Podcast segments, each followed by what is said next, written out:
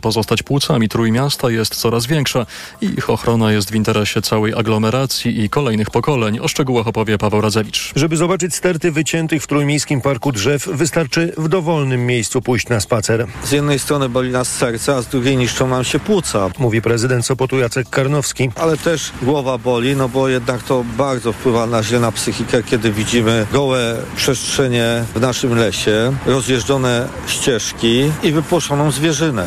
Stąd, jak przekonuje Marek Weryszko z Zielonych, prośba o opamiętanie i petycja. W swojej istocie ma przekonać lasy państwowe, żeby wstrzymały bądź ograniczyły pozyskiwanie drewna z naszych lasów. Pod petycją podpisało się ponad 3000 osób. Z Trójmiasta Paweł Radzewicz. TOK FM. A teraz w TOK FM czas na sport. Informacje sportowe. Przemysław Pozowski, zapraszam. Bez Roberta Lewandowskiego zagra piłkarska reprezentacja Polski w dwóch najbliższych meczach eliminacji Euro 2024. Kapitan naszej kadry nie przyjedzie na zgrupowanie przed spotkaniami ze Spami Owczymi i z Mołdawią. Obejgu uraz kostki z wieczornego meczu sportu okazał się poważniejszy niż początkowo zakładano. Mecz z Wyspami Owczymi w przyszły czwartek. A trwa już godzinę i minutę. Mecz Raków Szturm Graz w Lidze Europy. Zespół Częstochowy przegrywa 0 do 1 po golu Bewinga z 24 minuty.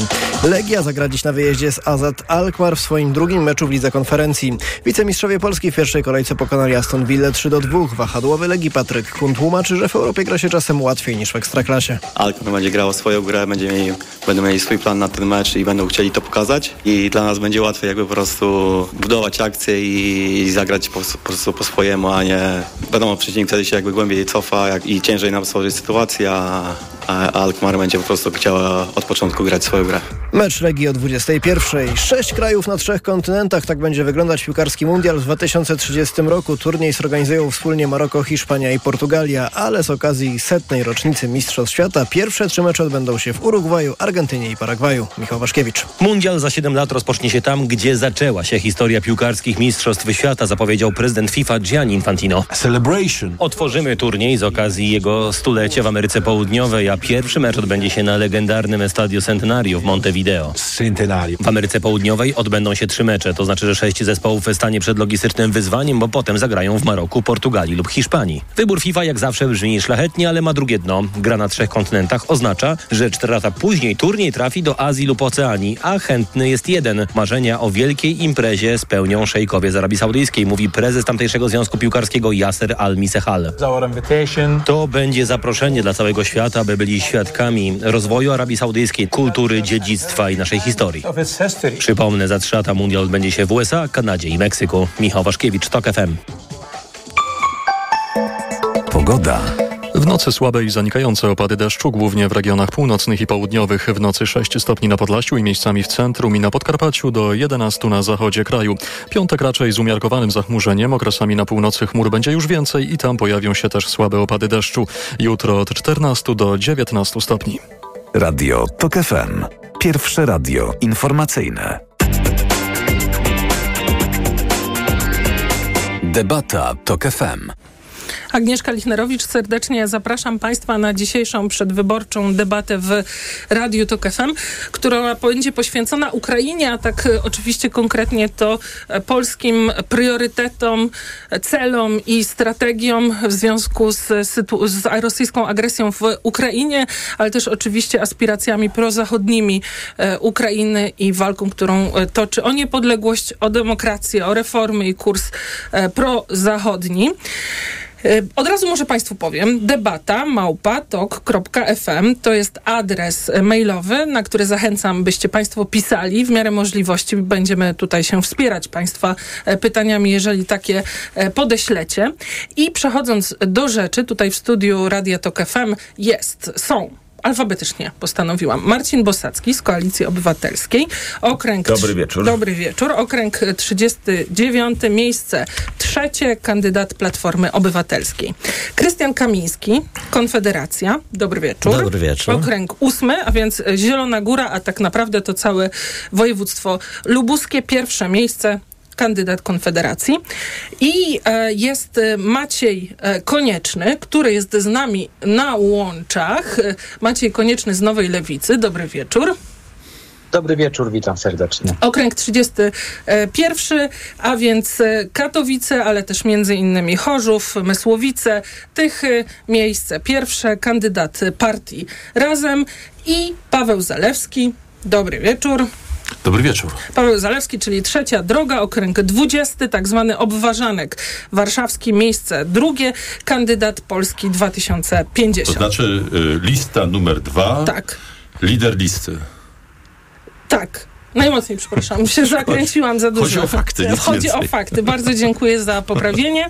E, a to dlatego, że już psychicznie przygotowywałam się, żeby przy, poinformować Państwa, że nie będzie z nami e, e, przedstawicielka, przedstawiciela, przedstawicielki Prawa i Sprawiedliwości, pomimo e, tutaj bardzo szerokich i gorących wysiłków wydawczyni Marii Andrzejewskiej. Kolejni i kolejne odmawiali, więc ostatecznie uznaliśmy, że skupimy się na, na tych perspektywach, pomysłach i propozycjach politycznych e, kandydatów opozycyjnych i to może nawet e, e, będzie istotne o tyle, że przechodząc do rzeczy, jak to ujął ostatnio minister spraw zagranicznych, jeśli chodzi o stosunki między Polską a Ukrainą, wchodzimy w okres dekoniunktury. A więc w dużym uproszczeniu rozmowa będzie o tym, czy i jak tej dekoniunkturze przeciwdziałać.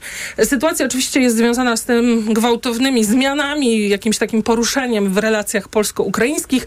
E, Ostatnio minister Rał na przykład nie był na zjeździe unijnych szefów dyplomacji w Kijowie. Też na przykład e, Polska Grupa Zbrojeniowa nie była reprezentowana na forum przemysłu obronnego. To wszystko konsekwencje tak zwanego e, sporu zbożowego, który niemal doprowadził do wojny handlowej. Zachodnia opinia publiczna uznała, że w Polsce dokonuje się jakiś zwrot czy odwrót. Taka była ich i jest pewnie częściowo dalej percepcja.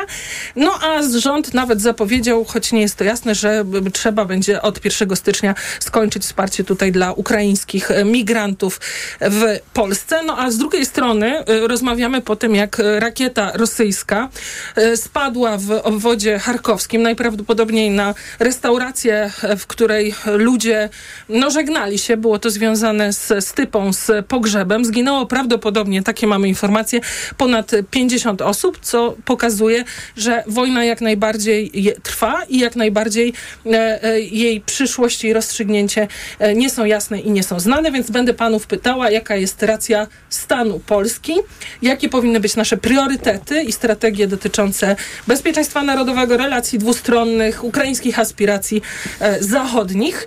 I pozwolę sobie pierwszą rundę pytań, w pierwszej rundzie pytań, poprosić was o takie bardzo krótkie, e, 90-sekundowe odpowiedzi. Chodzi tylko o to, by wskazać, e, jak to czasem mówimy, wasze priorytety, a potem będziemy rozwijać. Więc e, pierwsze pytanie było, dotyczyłoby tego, jakie są wnioski z tej obecnej dekoniunktury, jak to ujął minister Rał. Czy sama nie wierzę, że zadaję to pytanie czy, ale czy i jak Polska powinna dalej wspierać Ukrainę i e, Ukraińców? Marcin Bosacki. Dziękuję bardzo, bo to bardzo ważny temat. Po pierwsze, w interesie Polski jest to, aby Ukraina była niezależna od Moskwy. Chodzi o to, żeby Polska nie graniczyła na całej swojej wschodniej granicy, oprócz 60 km z Litwą, e, z de facto agresywną Rosją. To jest punkt pierwszy i dlatego Ukrainę trzeba nadal wspierać. Po drugie, w interesie Polski, podkreślam to, w interesie Polski jest Ukraina w strukturach Zachodu, także po to, aby z Ukrainą budować wewnątrz tych struktur Zachodu, zwłaszcza w Unii Europejskiej, wspólny blok Europy Środkowo-Wschodniej. I wreszcie po trzecie, są również sprzeczne interesy, na przykład jeśli chodzi o e, sprawę zboża, albo e, jeśli chodzi o odbudowę e, Ukrainy. Ukraina oczywiście chce, żeby to robiły jej firmy, my byśmy chcieli, żeby nasze firmy były w tym obecne. To się nie dzieje. E, Także dlatego, że rząd PiSu prowadzi kompletnie amatorską e, od e, płota do płota w politykę, nie potrafi prowadzić jej pragmatycznie i zgodnie z polskim interesem narodowym. Ta dekoniunktura, o której mówił minister Rał, uważam, że się skończy za parę tygodni, kiedy się zmieni rząd. Jak wspierać? Bardzo krótko, 10-15 sekund. Wspierać nadal wojskowo, wspierać w ramach koalicji Zachodu i mówię, łączyć polskie interesy z interesami Ukrainy, na przykład jeśli chodzi o odbudowę, konieczną odbudowę e, tego kraju. Polskie firmy tam powinny być. Odpowiedzialna dzisiaj za to pani Emilewicz, to jest ponurym żartem. Marcin Bosacki to był z Koalicji Obywatelskiej. Teraz poproszę Krystiana Kamińskiego z Konfederacji o pytanie, czy i jak Polska e, powinna e, wspierać Ukrainę, jakie są te wnioski z obecnej dekoniunktury. Po pierwsze, pokazuje to, że przez półtora roku nie potrafiliśmy w ogóle zdefiniować naszych interesów, czego my w ogóle oczekujemy od drugiej strony. I A nijak... proszę teraz zdefiniować.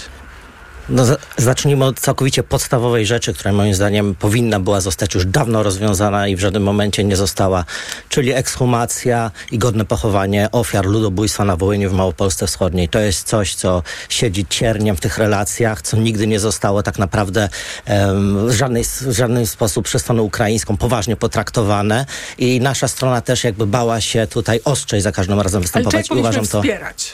No dobrze, tylko Mhm. żeby wspierać, to my musimy też najpierw zdefiniować, jak wspieramy, co my właściwie chcemy osiągnąć, tak? Czy jako państwo chcemy. Chcemy też pewne rzeczy wyjaśnić w tych stosunkach, bo chcemy obok siebie, jeśli Ukraina mm, wygra, powiedzmy, albo zachowa e, swoją niepodległość w takim, a nie innej formie, chcemy mieć obok siebie państwo, z którym możemy współpracować e, na uczciwych, realnych zasadach. A żeby to zrobić, trzeba niektóre rzeczy najpierw wyprostować. Trzeba Czyli wyjaśnić sobie. wspierać. Oczywiście. Znaczy, w sensie bo, najpierw- tak, bo tak działa, to, tak działa ten cały system. Powiedzieć im, gdzie są problemy i rozwiązujemy Czy te problemy, żeby to nie konkretnie było. pan proponuje uzależnić kwestię wsparcia militarnego od tej kwestii ekshumacji? To jest jedna z kwestii, które mu uzależnią. To w ogóle moim zdaniem nie podlega żadnej dyskusji ta kwestia ekshumacji. To jest rzecz, którą Ukraińcy powinni sami wyjść do nas i powiedzieć, że my to chcemy rozwiązać. To w ogóle nie powinno podlegać żadnej dyskusji i to powinny być w ogóle całkowita podstawa jakichkolwiek rozmów w tym względzie. Oczywiście te wszystkie wątki rozwiniemy. Na razie chodzi o zmapowanie. Słuchali Państwo Krystiana Kamińskiego z Konfederacji. Na łączach mamy Macieja Koniecznego, Partia Razem, Nowa Lewica, czyli jakie są wnioski z dekoniunktury, czy i jak e, Polska powinna wspierać Ukrainę Ukraińców.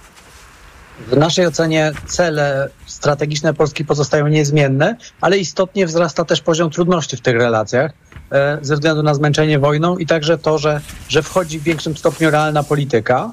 Na pewno celem strategicznym Polski jest zwycięstwo Ukrainy w tej wojnie i powstanie stabilnego, demokratycznego państwa ukraińskiego. Stąd też powinniśmy konsekwentnie wspierać wysiłek zbrojny Ukrainy, co w tym momencie oznacza przede wszystkim dostawę amunicji i wsparcie logistyczne e, i potrzebujemy być przygotowani na trwałe wsparcie i to się nie zmienia. My, naszym strategicznym interesem jest to, żeby była niepodległa, demokratyczna i stabilna Ukraina.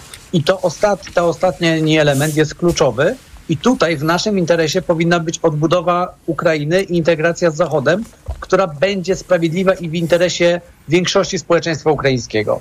Bo nie możemy powtórzyć błędu chociażby, który towarzyszył odbudowie Iraku, gdzie tak naprawdę e, zachodnie korporacje, zachodnie firmy działały przede wszystkim ze względu na swój zysk, a, a z tej odbudowy niewiele wyszło. Dla Polski ważne jest, żeby Ukraina była demokratycznym, funkcjonującym państwem. I teraz, jeżeli ten ogromny wysiłek wojenny społeczeństwa ukraińskiego skończy się tym, że, e, że tego wsparcia będzie niewiele, a chęci zyskiwania kosztem Ukraińców e, dużo, to my stracimy, bo stracimy e, przez to, że będziemy mieli być może skłócony z Zachodem e, e, kraj, który do tego będzie niestabilny e, i, i tego celu nie osiągniemy kluczowego. Więc musimy zadbać o nasz udział w odbudowie, ale także o to, żeby ta odbudowa faktycznie mogła zaowocować tym, że Ukraina będzie I tutaj europejskim, demokratycznym Wejdę w państwem. słowo, rozwiniemy wątki. Słuchali Państwo e, Macieja Koniecznego z Nowej Lewicy, teraz e, czas na Pawła Zalewskiego z e, Trzeciej Drogi z Polski 2050.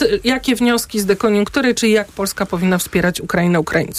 Przyczyną do, do koniunktury jest polityka PiSu, przede wszystkim wewnętrzna, związana z rywalizacją e, o wyborców z Konfederacją, to jest oczywiste, ale także, i to jest też istotne, e, rzadko podkreślane, za rzadko podkreślane, e, brak zdolności realizowania przez Polskę swoich, a w konsekwencji także ukraińskich celów e, strategicznych e, e, na Zachodzie, w Unii Europejskiej, w NATO, wobec Stanów Zjednoczonych. E, To jest do odwrócenia e, po wyborach. E, Cel. E, Niepodległa, bezpieczna, demokratyczna, rządząca się prawem, a nie korupcją Ukraina. Ukraina, która e, przeprowadzi gigantyczne reformy, które spowodują, że będzie w stanie spełnić kryteria kopenhaskie i będzie krajem, który będzie budował Unię Europejską, będzie ją wzmacniał, będzie budował wspólnotę Zachodu i będzie bardzo mocnym przeciwstawieniem się imperialnej, zaborczej polityki rosyjskiej na wschodzie. To Maciej Zalewski, miejsce pierwsze w okręgu obwo- e, ob- Maciej, e, to jest przepraszam, bardzo, Paweł do- Zalewski. bardzo, bardzo piękne imię, ja ba- bardzo lubię. Najmocniej, przepraszam. Paweł Zalewski, pierwsze miejsce, kandydat Polski 2050. Już do Pani trzech razy sztuka. razem pani tak. będzie mówiła o Pawle Zalewskim, proszę na mnie spojrzeć, a Tak, będzie to pani pan mówił, bo się dobrze Dobrze, znamy. dziękuję. Do trzech razy sztuka. Przepraszam najmocniej. Nie, Maciej to bardzo ładne imię. E, Druga runda też chciałabym poprosić panów o bardzo krótkie 90-sekundowe odpowiedzi, a potem otworzymy się na dyskusję. I teraz właśnie pytanie dotyczyłoby e, priorytetów, które waszym e, zdaniem e, powinna Polska mieć, jeżeli chodzi o polską politykę wobec Ukrainy i Ukraińców. W pewnym sensie te priorytety opisaliście jako jeden, ten główny, czyli ta demokratyczna, bezpieczna Ukraina, ale co jeszcze? I zacznę tym razem od Krystiana Kamińskiego i właśnie od tego pytania, bo pan jako jedyny nie podkreślił tego jako polskiej racji stanu, strategicznego celu, czyli tej demokratycznej, e, bezpiecznej, zwycięskiej Ukrainy, tylko warunkował to wsparcie wyjaśnieniem kwestii e, historycznych. Więc dopytam, czy ta Ukraina, właśnie taka jak opisali ją e, tutaj e, pana konkurenci, jeżeli mogę sobie na to pozwolić, też jest z pana perspektywy racją polską stanu i strategicznym celem. Może powiedziałem o tym, aczkolwiek naturalnie Mhm. też interesy rolne, transportowe. Ale czy to też? Bo to nie było jasne na kogo się, już chwila, Mhm. interesy, na kogo będzie się orientowała Ukraina po wojnie teraz, no to też jest istotne, to jest jakby wszystko w pakiecie, to nie można wszystko oddzielić. E, Kwestia jest, jak definiujemy zwycięstwo, bo tutaj ja mam pewne, mm, pewne problemy, rozmowy z, z innymi przedstawicielami. pan je definiuje? No właśnie, czy zwycięstwem byłoby dopiero zajęcie Kremla i odsunięcie Putina, czy jednak już e, porozumienie mińskie 3.0 podpisane w Astanie No właśnie pytam, w jakie formule powinna Erdogana. pana Polska zdaniem powinna mieć te cele, priorytety. I w tym sensie, jak pan by No i zdefiniował? to, I to jest taki, wiecie, y, problem, ponieważ my jako Polska nie mamy na to wpływu. Prawdopodobieństwo duże jest, że po prostu skończy się jakimiś właśnie miejskimi priorytetem? 3.0 i Stany Zjednoczone, Chiny czy Indie zaakceptują Ukrainę na poziomie 450 tysięcy kilometrów kwadratowych, ale w zamian za pokój. I ja jeśli, i słowo, jeśli to nasz priorytetem, zależy- jeśli naszym priorytetem pod tym względem jest, żeby po prostu był pokój na Ukrainie i Ukraina jako państwo mogła, e, mogła normalnie funkcjonować i nie mielibyśmy tutaj za tą wschodnią granicą, poszerzoną granicą z Rosji, to tak, jest to jeden z naszych priorytetów. Aczkolwiek naszym priorytetem nie jest i nie może być, bo nie jesteśmy w stanie jakkolwiek na to wpływać, czy Ukraina będzie miała 600 tysięcy kilometrów kwadratowych, czy tylko 450 tysięcy kilometrów. To nie jest w Ale żaden sposób nasze. zwycięstwo Ukrainy jest Tylko pytanie, jak, jak, jak definiujemy to zwycięstwo? Jasne, no bo, to jest jedno. Już bo- pan powiedział, to, to, to, mamy drugi problem. priorytet to byłby te kwestie e, historyczne, czyli e, no, dogadanie z Ukrainą, tak, wymuszenie zgody na ekshumację. Oczywiście, to jest całkowicie trzecie? podstawowe. No i kwestia w ogóle naszych interesów, tak, naszego rynku rolno-spożywczego, transportowego, zadbanie o to, żeby strona ukraińska nie doprowadziła do ruiny naszych przedsiębiorców. No to jest jeden z naszych priorytetów, bo nasze państwo jest po to stworzone, żeby naszych przedsiębiorców przede wszystkim chronić. To słuchali Państwo Krystiana Kamińskiego z Konfederacji. Teraz e, Maciej Konieczny o priorytety Polski wobec e, Ukrainy i Ukraińców. to ja będę zmuszony się e, powtórzyć w tej kwestii. Tak, priorytetem jest to, żeby z tej wojny Ukraina wyszła jako stabilne, demokratyczne państwo i podkreślam to stabilne, bo można sobie wyobrazić takie zwycięstwo i tu z posłem Kamińskim e, się nie zgodzę, że nie ma znaczenia e, i jak duża będzie ta Ukraina, że Ukraina będzie co prawda niepodległym państwem, ale niezdolnym do sa, sa, samoistnego, e, do stabilnego funkcjonowania, albo że społeczeństwo ukraińskie samo z siebie będzie na tyle rozgoryczone efektem tej wojny, że nie będzie zainteresowane integracją e, z Zachodem. A w naszym interesie jest to, żeby społeczeństwo ukraińskie i, i państwo ukraińskie zintegrowało się z Zachodem, ale oczywiście w sposób kontrolowalny, przewidywalny, taki, który nie zagrozi bezpośrednio e, naszym interesom. E, I to jest kolejny element, bo też powoli musimy e, przestać identyfikować jednoznacznie konkretne władze ukraińskie z interesem Ukrainy. Znaczy my musimy sobie pozwolić na konsekwentne wsparcie dla Ukrainy, militarne, e, także logistyczne, wsparcie dla uchodźców ukraińskich, które nie musi oznaczać e, bez, e, be, be jakiegoś jednoznacznego e, i, i, i, i e, podparcia dla, dla władz ukraińskich i ich polityki. I to jest pewien, pewna zmiana, do której musimy się przyzwyczaić, że Zełęński już nie jest tym przywódcą wojennym, który zawsze ma rację, bo jest przywódcą wojennym, ale jest także politykiem, z którym prowadzimy relacje oparte na interesach. Tylko, że to trzeba, musimy w głowie sobie poukładać, że jednoznacznie wspieramy Ukrainę, Czas. ale nie zawsze to oznacza pełną zgodę z jej władzami. I teraz y, to był Maciej Konieczny z partii y, Razem. Teraz głos dla Pawła Zalewskiego. Pierwsze miejsce w obważanku warszawskim, kandydat Polski 2050. Naszym, dziękuję serdecznie pani redaktor za zapowiedź. Naszym wielkim interesem Priorytety. priorytetem jest, no, tak, Mhm. jest, jest, jest umocnienie relacji z Ukraińcami. E, ze społeczeństwem ukraińskim. E, mamy tutaj e, olbrzymi, fantastyczny kapitał, który był budowany na długo przed wojną. A jakiś konkretny pomysł ma pan? Bo były mowy różne o jakichś uniach i takie to wszystko. Nie, nie, no to bzdura. Z różnych względów. Ja Mhm. rozumiem, że teraz nie ma czasu w tej części, ale później się Mhm. chętnie do tego odniosę. Nie, nie, no żadna Unia. No, Unia jest jedna, europejska i ona tworzy podstawę do tego, żeby, żeby się rozwijać. Natomiast myślę tak, że po pierwsze pomoc, znaczy tak, e, e, Wsparcie dla y, migracji y, ukraińskiej y, u nas w Polsce z wykorzystaniem, bo Polska już nie ma pieniędzy.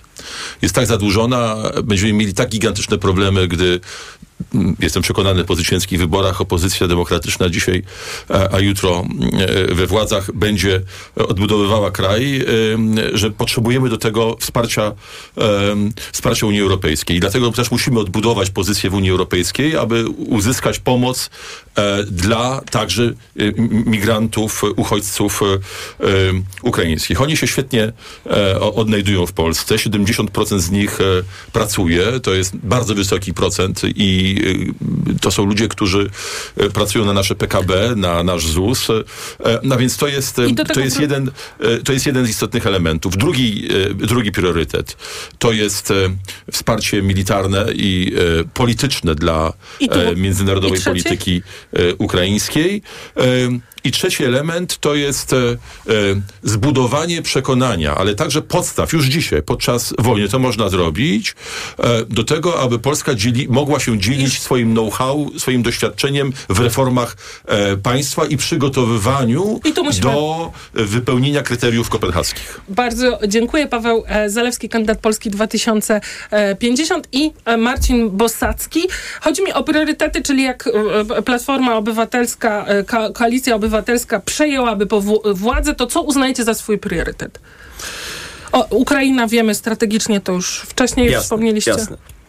Ja pociągnę wątek, który y, pan kandydat z Konfederacji poruszył. E, może zas- zaskakując jedynych. To znaczy, gdzie Polski dzisiaj nie ma. I, I tam Polska powinna być. To nie jest tylko, że nie ma nas w rozmowach, o wstępnych rozmowach rozejmowych w Ukrainie. I to nie jest tak, że my nas tam e, być nie może. Były czasy, przypominam, e, że to Polska koordynowała, e, a przynajmniej miała ambicje i chwilami te ambicje realizowała, żeby być pewnego rodzaju pośrednikiem między Ukrainą a, a, Zachodem. Więc to jest możliwe. Nas nie ma w planowaniu odbudowy. Nie tylko naszych firm, tylko w ogóle państwa nie ma. W najważniejszych rozmowach, które się toczą na ten temat. Nas nie ma w wykorzystaniu środków Zachodu, nie własnych, Zachodu w kontraktach zbrojeniowych dla Ukrainy. Są Czesi, są Słowacy, są Niemcy, są oczywiście Amerykanie, a nie ma nas. To jest... Czyli co, większa aktywność, rozumiem, w e, tej grze Ale międzynarodowej. jeszcze dwie rzeczy. E, Nas nie ma również we współpracy gospodarczej z Ukrainą. Mamy ogromny problem ze zbożem, podczas gdy na przykład Rumunia, przez Rumunię eksportuje się to zboże, na czym Rumunia zarabia. Bo na przykład została dofinansowana 200, 200 milionami z Unii Europejskiej. Y, oraz ostatnia rzecz, którą musimy robić y, i, czego też rząd PiSu kompletnie nie robi, to wspólna y, aktywność nad rzeczywiście rozwiązaniem sprawy półtora, w tej chwili może dwoma milionami Ukraińców w Polsce. Większość z nich wyjechała. Większość z tych powiem rzecz, co do której jestem pewien. Większość albo połowa z tych, którzy teraz są, na zawsze w Polsce zostanie ich dzieci. Tych ludzi Do trzeba integrować. będziemy mówić, tak. Musimy o tym zacząć również z władzami ukraińskimi rozmawiać. PiS żadnej z tych rzeczy nie robi. To teraz y, dzisiaj i jutro szczyty, jeżeli mogę tak e, powiedzieć, w Granadzie Europejskiej Wspólnoty Politycznej, a e, jutro Unii Europejskiej i kwestia właśnie rozszerzenia Unii Europejskiej o Ukrainę. Pada ta data 2000, e, orientacyjnie ją tylko podaje 2030 rok. Podaję ją, bo to jest za 7 lat przecież. No kwestia ta jest jednym z głównych tematów tego spotkania unijnego na szczycie. No i raz pytanie, e, czy e, jaka powinna być strategia Polski? No bo można odnieść wrażenie, że rzeczywiście obecnie rządzący e, nie do końca mają. Strategię mam na myśli, jeżeli wspieramy, a tutaj panowie, jak rozumiem, jeszcze wyjaśnimy sobie ewentualnie, e, e, wspieramy Ukrainę członkostwo w Unii Europejskiej, no to to zmieni też Unię Europejską. Więc jest mowa o reformach. Jest mowa o pytanie o oczywiście o polityki budżetowe, polityki strukturalne, politykę rolną. Więc e, pytanie, e, co, e, nie wiem, czy macie już gotowe odpowiedzi, bo to oczywiście są bardzo dalekosiężne plany, ale co waszym zdaniem w takiej strategii na ten moment, co potraficie, powinno się znaleźć? Jak Polska ma się przygotować do członkostwa Ukrainy w Unii Europejskiej, by unikać sporów zbożowych? Maciej Konieczny z partii Razem.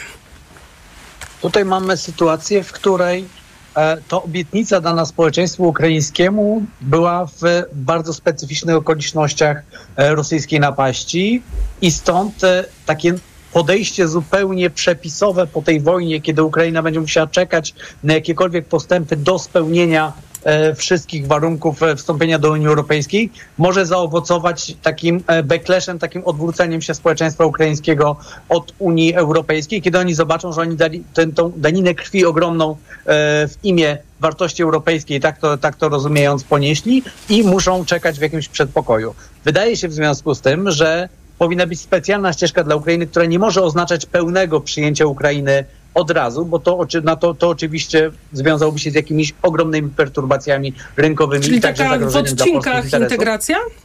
Więc powinna być stopniowa integracja, powinna być specjalna ścieżka, która pozwalałaby włączać Ukrainę w kolejne sfery No, ale funkcjonowania sami Ukraińcy się tego obawiają, stopniowo. że to rozmyje e, członkostwo, opóźni i tak dalej, że, że będą inny mieli status, gorszy. Ja to w pełni rozumiem, ale alternatywa w postaci Ukraińcy muszą czekać na cokolwiek, aż spełnią wszystkie warunki, co będzie piekielnie trudne po, e, po wojnie, będzie jeszcze gorsza, bo to będzie, mam, to wydaje się, że to może powodować takie poczucie bycia zdradzonym e, wśród Ukraińców, które może zaprowadzić Ukrainę w miejsca, w które byśmy nie chcieli, e, żeby poszła. Więc musimy mieć jakąś ofertę, która będzie stopniowalna dla, dla Ukrainy i wydaje się, że to jest, to jest lepsza z dwóch niedo, niedoskonałych dróg. E, Kolejna rzecz jest taka, że jeżeli mówimy o dalszym poszerzaniu e, Unii Europejskiej, to musimy porozmawiać o sposobie podejmowania decyzji, który będzie sprawniejszy. I wiem, że to jest temat, który wśród Prawa i Sprawiedliwości budzi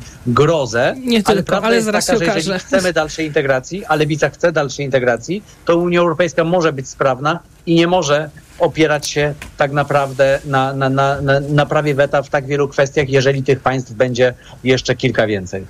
To są te dwa priorytety, dwie e, e, reformy, a polityka rolna, strukturalna, budżetowa miałoby wejść pa- potężne państwo, e, które będzie wymagało wsparcia. I oczywiście, jak w przypadku także wchodzenia poprzednich państw, w tym Polski, no potrzebujemy okresów przejściowych i, i mechanizmów ochronnych. E, Także dla polskiego przemysłu to nie jest tylko rolnictwo, to jest także hutnictwo, więc tutaj będą czekały nas e, twarde negocjacje. I też miejmy świadomość, że nie zawsze otwarcie rynku, tak jak w tym wypadku na produkty rolne, to jest koniecznie jakiś taki interes e, ukraińskiego społeczeństwa rozumianego jako całość. W tym wypadku chociażby chodzi często o wielkie zachodnie korporacje. I tutaj no, musimy, musimy przede wszystkim mieć to na uwadze i też e, patrzeć w interesie społeczeństw europejskich i umieć wychwycić te momenty, kiedy ten lobby korporacyjny jest, e, jest przeciwko interesowi społecznemu. Paweł e, Zalewski, kandydat dwa, Polski 2050. Pytanie do pana. Co, ja, co powinno znaleźć się w strategii, bo wydaje mi się, że nie mamy jej w każdym razie publicznie obgadanej, więc jeżeli po, Polska 2050 będzie współrządzić, to co wpiszecie w taką strategię w perspektywę e, polskiego interesu wobec ukraińskich aspiracji do członkostwa w Unii? Sojusz Polski 2050 i PSL-u, czyli trzecia droga.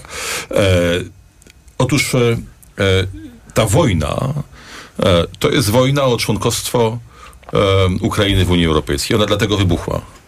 E, dlatego wybuchła tak naprawdę w 2014 roku, bo, e, e, bo, nie, bo nie w ubiegłym, ona w ubiegłym roku dostała mm, jakby nowego rozpędu. Ale e, co to oznacza w praktyce dla Ukraińców? A dla nas? Y, za sekundkę, bo to jest punkt wyjścia też istotny, żebyśmy zrozumieli, bo ja mam takie wrażenie, że e, my projektując naszą politykę wobec Ukrainy bardzo często nie rozumiemy, e, czego chcą Ukraińcy. Otóż e, Ukraińcy chcą mieć normalne, praworządne państwo, to znaczy nie chcą korupcji, która jest endemiczna, która jest wszędzie i która ciągle niestety jest, mimo że nastąpiła duża poprawa w, tej, w tym zakresie, ale, ale ciągle korupcja jest istotna, istotnym problemem na Ukrainie oraz chcą, chcą być bezpiecznym państwem ze strony Rosji. Co im Unia Europejska może e, ofiarować i co im my możemy ofiarować? Otóż e, ja nie wiem, czy członkostwo w 2030 roku Ukrainy jest, jest możliwe, bo e, reformy, które ta, to, to państwo musi przejść, są tak poważne, że, że nie wiem, czy te kilka lat wystarczy. Punktem wyjścia jest stabilność i bezpieczeństwo. I to jest najważniejsze rzecz. To znaczy... Czyli strategia Polski wobec Ukrainy to byłoby wspieranie bezpieczeństwa, czyli wsparcie, tak? tak? Wsparcie rozwiązania, które zapewni długotrwałą stabilność polityczną tego państwa na zewnątrz i bezpieczeństwo na zewnątrz i wewnątrz. Czyli tak konkretnie? Pani redaktor, jest bardzo wiele możliwości. Mhm. To jest cel. E, jak przejmiemy rządy, jak będziemy mieli wpływ na MSZ, e, to będziemy wówczas zachowywać się w zależności od sytuacji, ale to jest cel. Stabilne, bezpieczne państwo. I to jest cel polityki, to powinien być cel polityki polskiej wobec Ukrainy. To jest pierwsza kwestia. Druga kwestia to jest, jak powiedziałem już, wsparcie w reformach.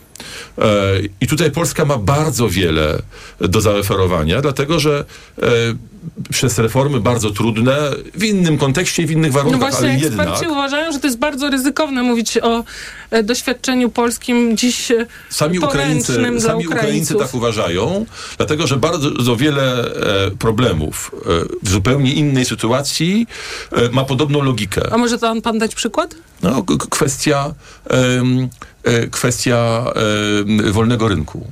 E, Ukraina jest krajem zoligarchizowanym. Właśnie, a my nie byliśmy. Warunkiem wejścia Ukrainy do Unii Europejskiej będzie deoligarchizacja. Tak? My ten proces odejścia od państwowych koncernów, ale później również zapobieżenia oligarchizacji polskiej gospodarki przeszliśmy, bo przecież był taki moment e, po 90 e, roku, kiedy polska gospodarka się oligarchizowała. E, I my z tego wyszliśmy dosyć szybko przede wszystkim dzięki temu, że zaczęliśmy drogę do Unii Europejskiej. I tu ostatnie. E, no a kwestia rolnictwa. E, czy, ten, czy na ten temat będziemy jeszcze obszernie rozmawiali, czy tutaj mogę powiedzieć coś to więcej? Wrócimy. Wrócimy to, to dla równowagi czasowej oddaję i głos. E, Marcinowi. To słuchali Państwo Pawła Zalewskiego, kandydata trzeciej e, drogi. Teraz głos Marcina Boseckiego z Koalicji Obywatelskiej. Rozmawiamy wciąż o marzeniach, a przynajmniej o bardzo niepewnej e, przyszłości. No, ale chodzi mi o to, że ten proces e, już się Panie toczy. Redaktor, uważam, że w tej dyskusji powinno paść to, co zaraz chcę powiedzieć. Znaczy, sytuacja na froncie ukraińskim to nie jest e, obrazek różami usłany. Ja miałem okazję zupełnie niedawno rozmawiać ze średniego szczebla wojskowymi ukraińskimi którzy przedstawiają dużo gorszy obraz tej sytuacji, głównie z tego powodu, że kończy im się e, zasób nie tylko sprzętu i amunicji, ale również w dużej mierze zasób ludzki. My widzimy te ogromne cmentarze, nie znamy prawdziwych e, liczb.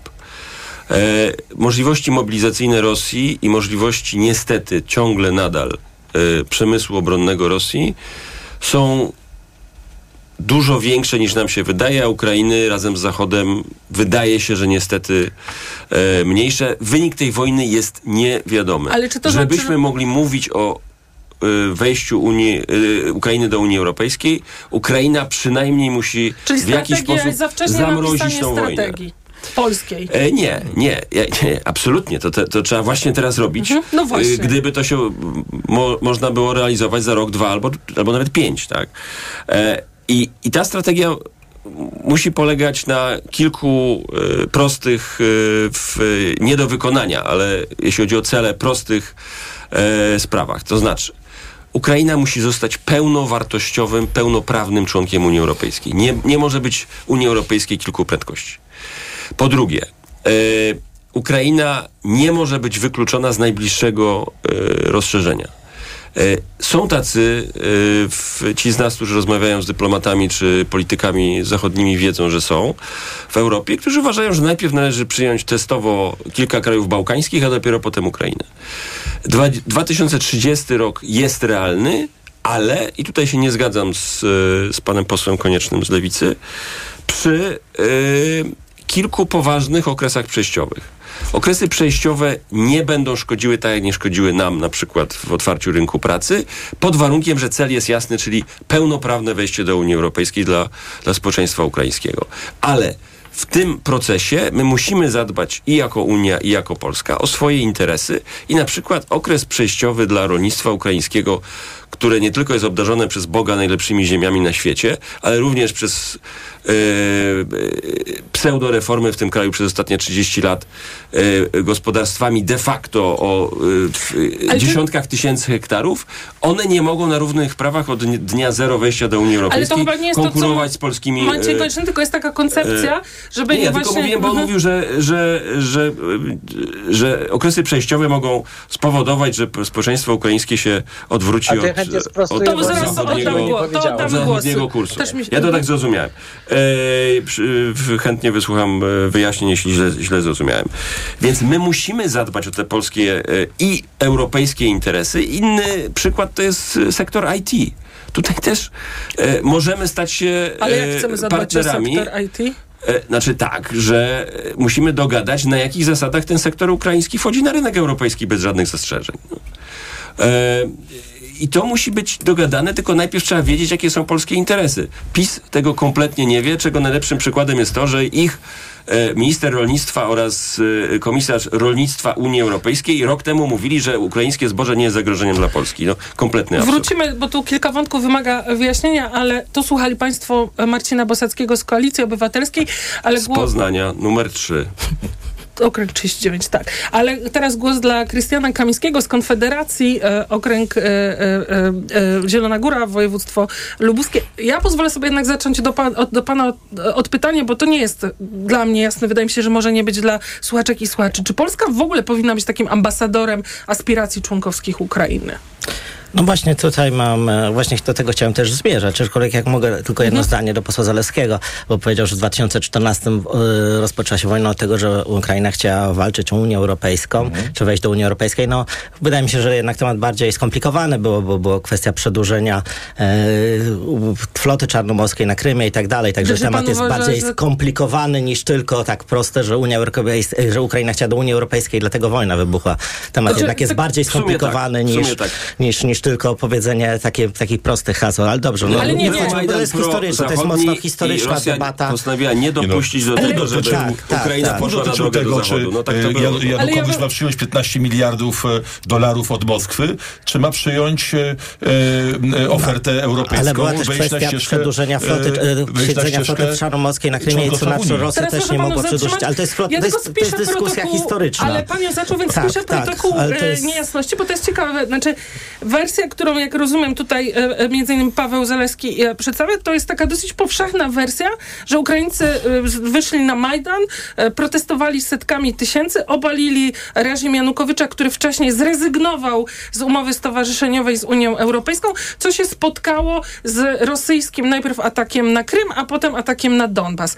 A pan twierdzi, że Rosja zaatakowała, bo Jeszcze t- to nie, jest, to nie jest tak, że to jest jedna przyczyna zawsze. Kwestia była przedłużenia e, posiedzenia floty floty czarnomorskiej na Krymie. Dlaczego im na Krymie zależało? A Ze względu na flotę czarnomorską, a? Ukraina nie chciała przedłużyć umowy, jeśli chodzi o flotę czarnomorską na A Krymie. na Donbas dlaczego w takim razie zaatakowała potem? Na początku chcieli mieć drogę lądową do Krymu, bo to było oczywiste, najbardziej sensowne A, z ich Wydaje mi perspektywy. się, No pan potrzebują z też drogi lądowej, a nie tylko sporo drogi morskiej. kremlowskiej propagandy powtarzał. To, to, to, Mm.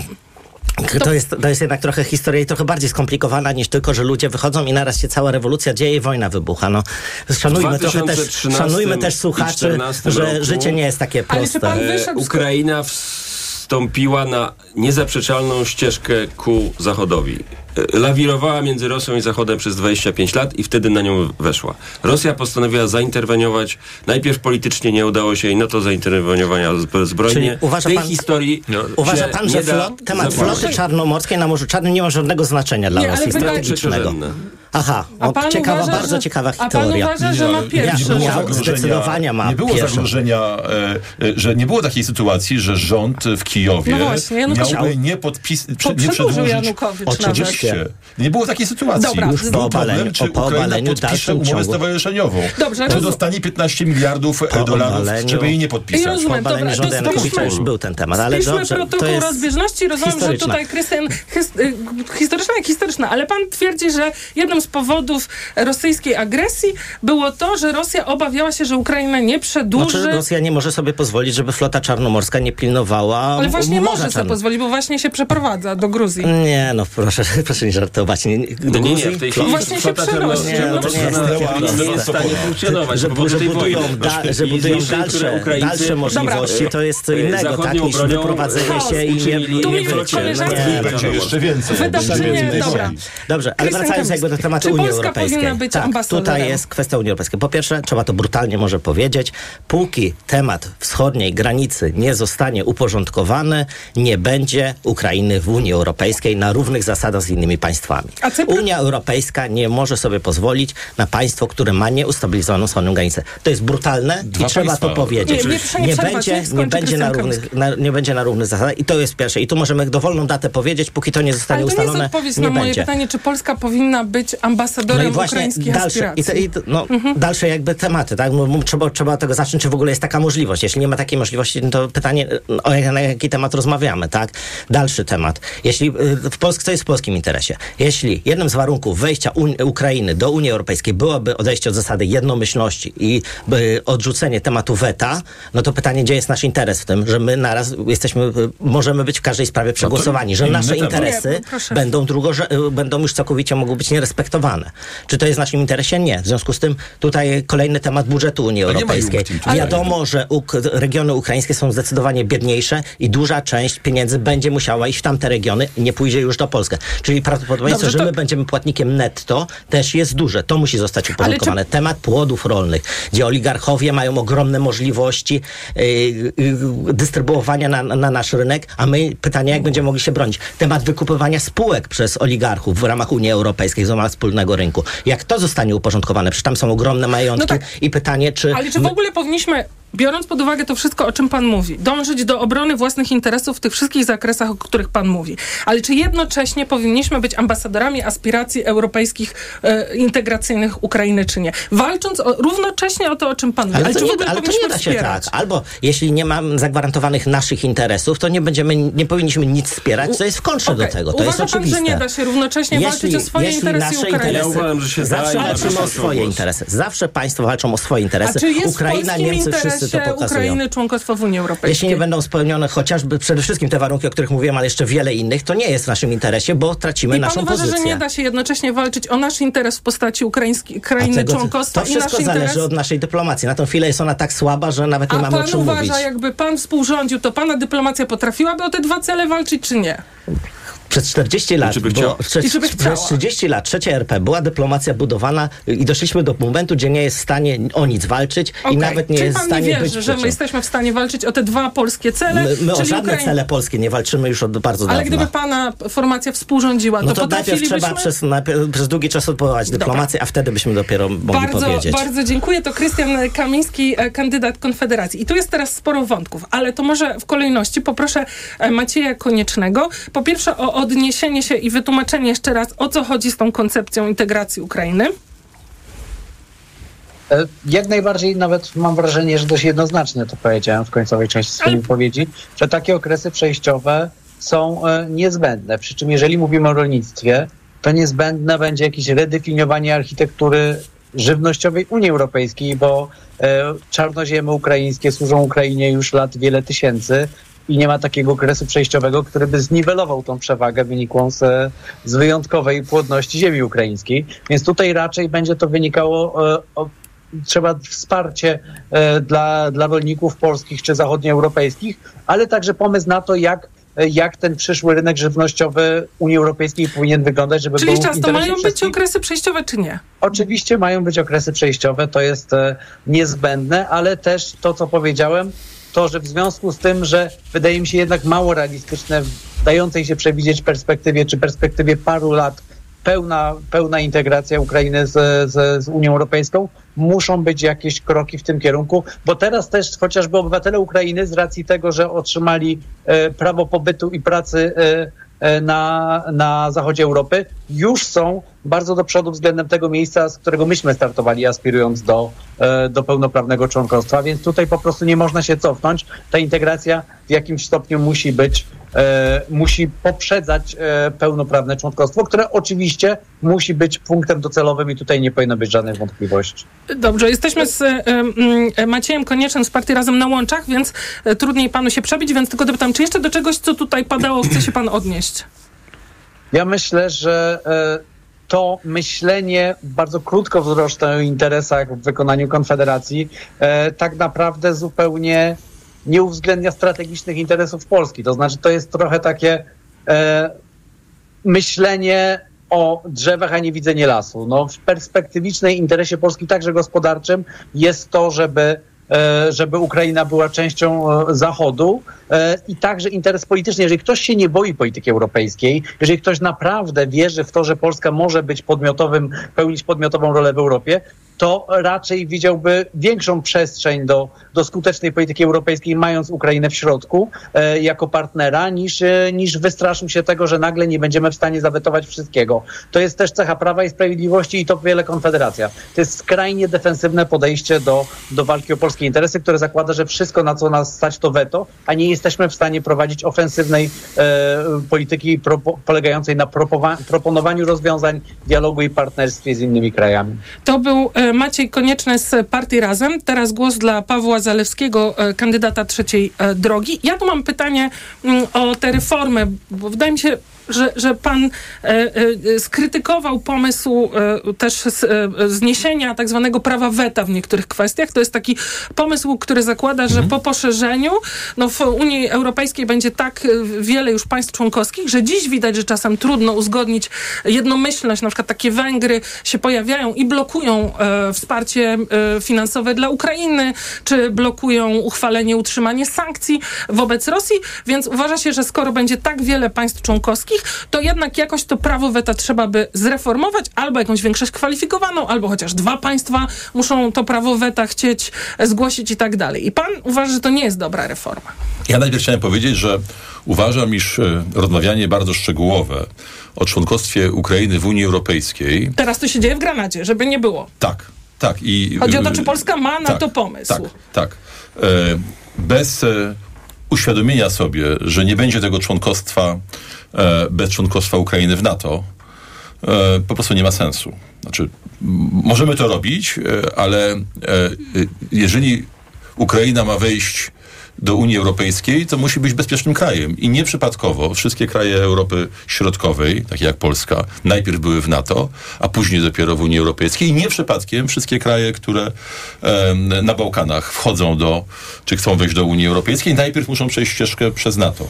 Taka po prostu jest logika bezpieczeństwa. Czy to oznacza, że pan zgadza się z Krystianem Kamińskim obszarach. e, z Konfederacji, że dopóki nie zostanie e, w pełni rozwiązana Nie, nie, nie, e, nie, nie, kwestia nie, nie, nie. To są dwie Donbasu? rzeczy. Ja po prostu chcę powiedzieć, że, że chętnie będę prowadził rozmowę na temat członkostwa Ukrainy w Unii Europejskiej, jeżeli wybrzmi to, co powiedziałem przed sekundą. To Tylko znaczy, jaki z że... tego, co z tego wynika? No wynika to z tego, że em, wynika to z tego, że em, kluczowa dyskusja, która dotyczy bezpieczeństwa Ukrainy, nie toczy się publicznie. Bo ona się toczy. Ona ma miejsce. E, dyskutowane są różne warianty zagwarantowania bezpieczeństwa Ukrainie. Czy to poprzez porozumienie e, ze Stanami Zjednoczonymi, które zagwarantują bezpieczeństwo Ukrainie, czy to poprzez e, no jednak przyjęcie do NATO. E, czy w jakiejś innej formule. Ale ta dyskusja się nie toczy. I to chciałem po prostu odnotować, żebyśmy wszyscy wiedzieli, że Ukraina nie wejdzie do Unii Europejskiej, jeżeli nie będzie bezpieczna. A bezpieczeństwo może uzyskać wyłącznie albo dzięki bezpośrednim gwarancjom amerykańskim, chociaż w moim przekonaniu dla Unii Europejskiej to będzie za mało, e, ale tak naprawdę musi zostać uprzednio członkiem, członkiem NATO, bo to jest ta instytucja, do której mają zaufanie nie tylko Polacy, ale także Niemcy, Francuzi, etc. I teraz wracam do pani, do pani, do pani pytania. E, otóż, e, jeżeli chodzi o kwestię podejmowania decyzji w Unii Europejskiej, ja chciałem przypomnieć, e, że e, Polska e, zgodziła się na bardzo silne zmniejszenie swojej pozycji w Unii Europejskiej w 2007 roku i partią, która na to poszła, było Prawo i Sprawiedliwość oraz prezydent Lech Kaczyński, który wynegocjował bardzo niekorzystny z, z punktu widzenia naszych interesów i naszego naszej wagi głosu w Unii Europejskiej traktat lizboński.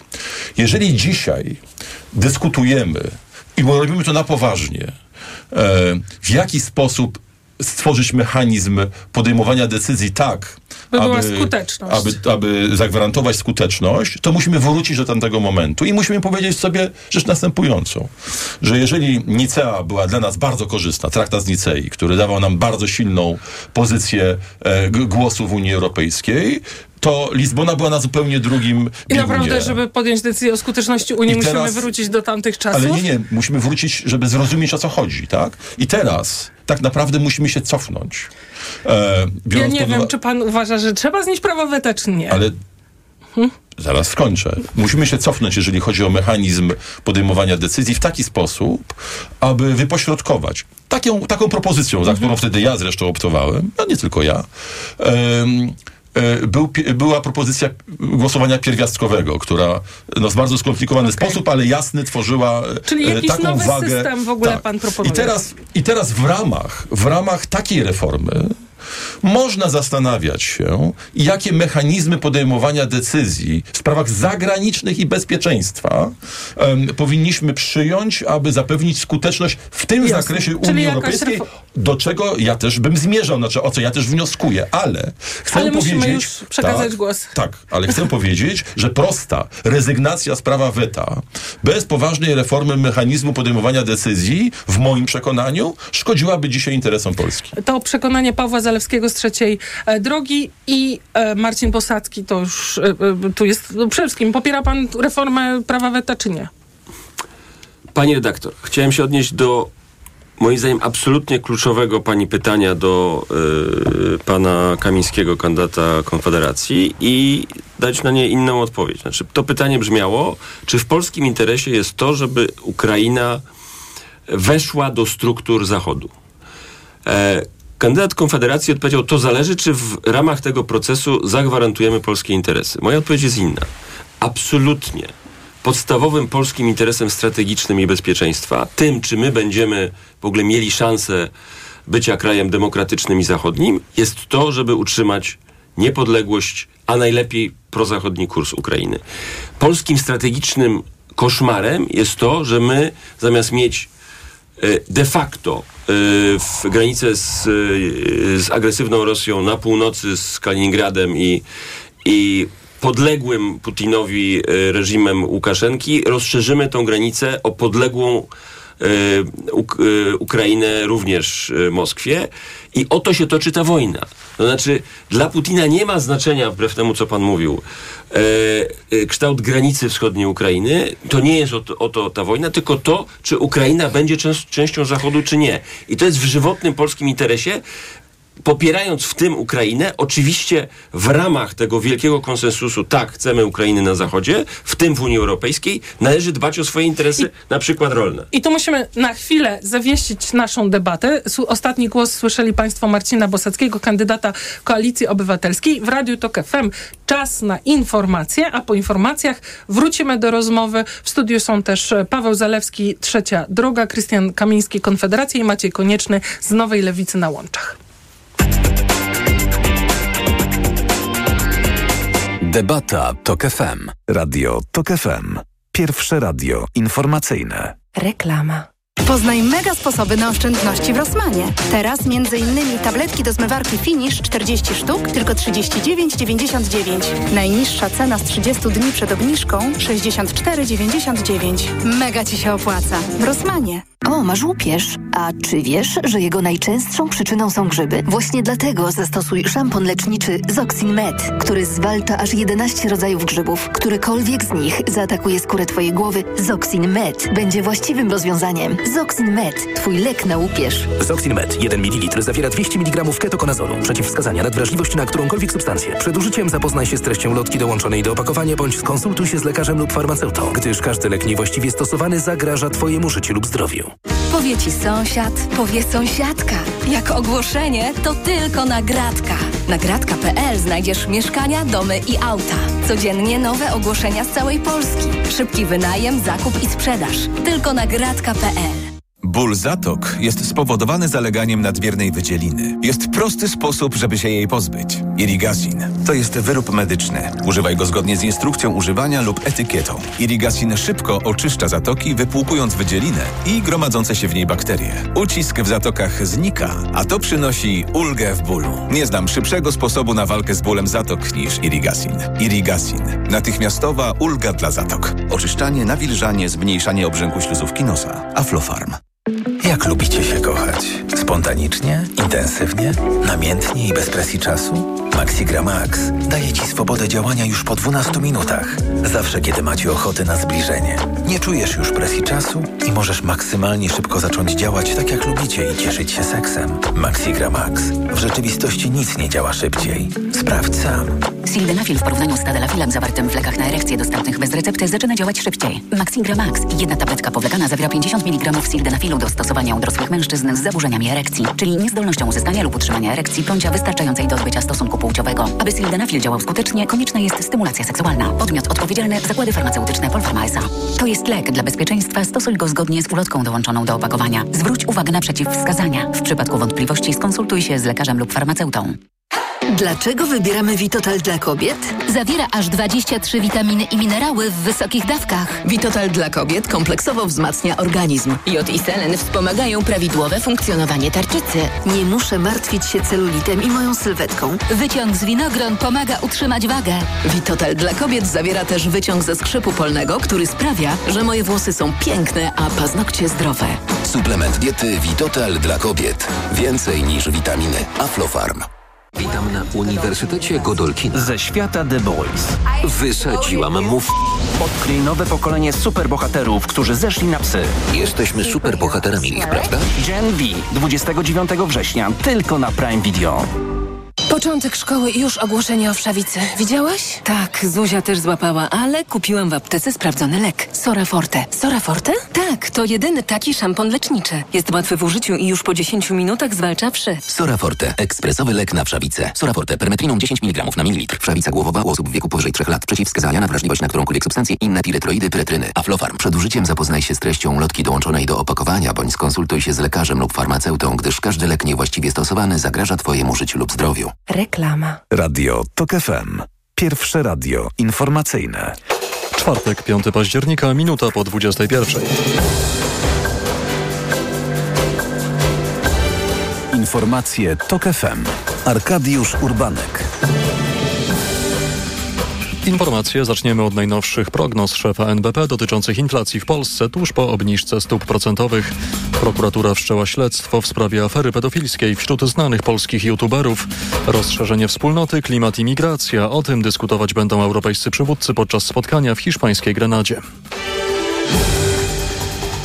Inflacja w Polsce spada bardzo szybko, zapewnia szef Narodowego Banku Polskiego. W trakcie comiesięcznej konferencji prasowej prezes Adam Glapiński podzielił się też swoimi prognozami na kolejne miesiące. Proszę Państwa, zaraz będzie w następnym miesiącu będzie 7 z czymś.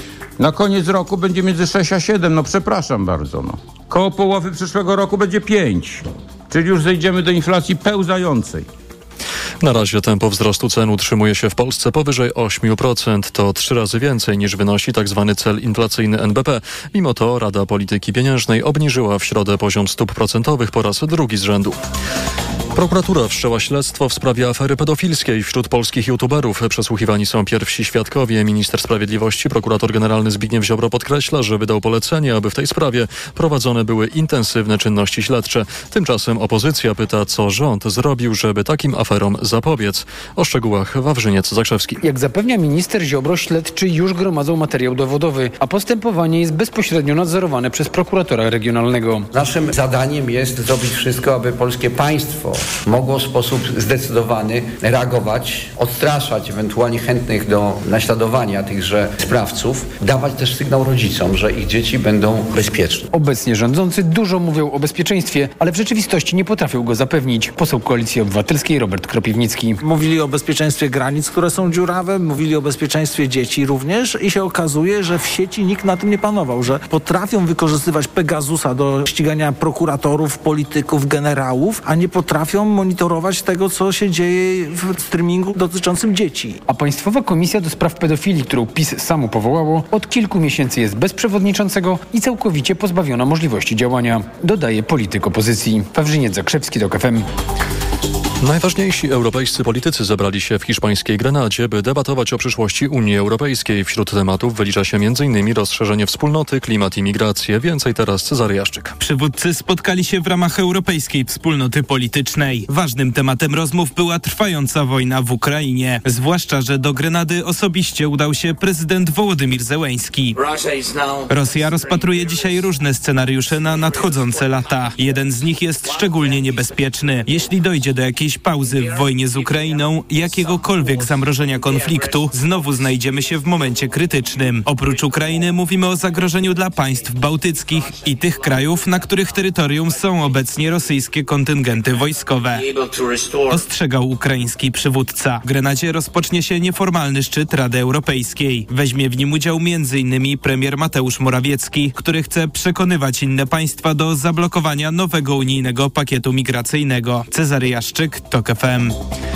Niemiecki rząd przygotowuje kraj do zimy i chce ponownie uruchomić elektrownie węglowe, aby zagwarantować dostawy prądu, informuje portal dziennika Bild, zwracając uwagę, że do pracy wrócą opalane węglem brunatnym elektrownie Więżwalde i Niederausen. Ze względu na ogromne emisje CO2 Niederausen znalazło się pod względem emisji na trzecim miejscu, a Więżwalde na szóstym w rankingu brytyjskiej organizacji pozarządowej Ember w 2021 roku, zauważa Bild. Elektrownie są częścią rezerwy dostaw, która pozostaje w gotowości do końca marca przyszłego roku. Mają one zagwarantować dostawy energii elektrycznej w zimie. Według Ministerstwa Gospodarki celem jest oszczędzanie gazu w produkcji energii elektrycznej, wyjaśnia Bild.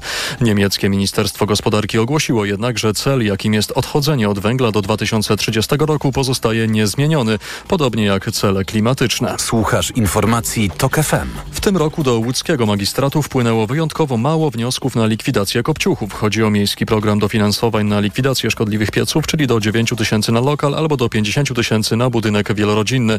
O szczegółach Bartosz Kądziołka. W ubiegłym roku wniosków było około 300, a w tym roku około 200. Dlaczego tak mało? Tak tłumaczy to Paweł Śpiechowicz z magistratu. Oczekiwanie na dodatki węglowe, przesunięte terminy na wymianę najgorszych pieców. Bo w ubiegłym roku łódzki sejmik przesunął zakaz używania pieców najgorszej jakości, czyli tzw. Tak kopciuchów z końca 2022 na koniec 2024.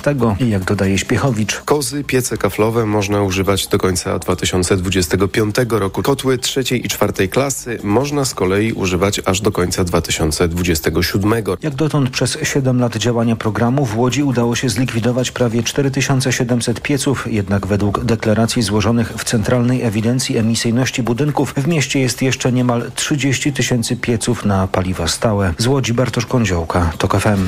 I na koniec informacji jeszcze sport. Piłkarze Rakowa Częstochowa przegrali w Sosnowcu ze Szturmem Graz 0-1 w meczu drugiej kolejki grupy D Ligi Europy, a więcej o przebiegu tego spotkania opowie Przemysław Pozowski. Raków w Sosnowcu przegrał zasłużenie, przegrał, bo był drużyną i mniej groźną pod bramką rywali, strzelał średnio trzy razy mniej e, i był drużyną, która wyglądała dużo gorzej fizycznie e, i to piłkarze z Austrii już od 24 minuty prowadzili 1 do 0 i choć mecz skończył się właśnie takim wynikiem 1 do 0, to Raków równie dobrze mógł przegrać wyżej.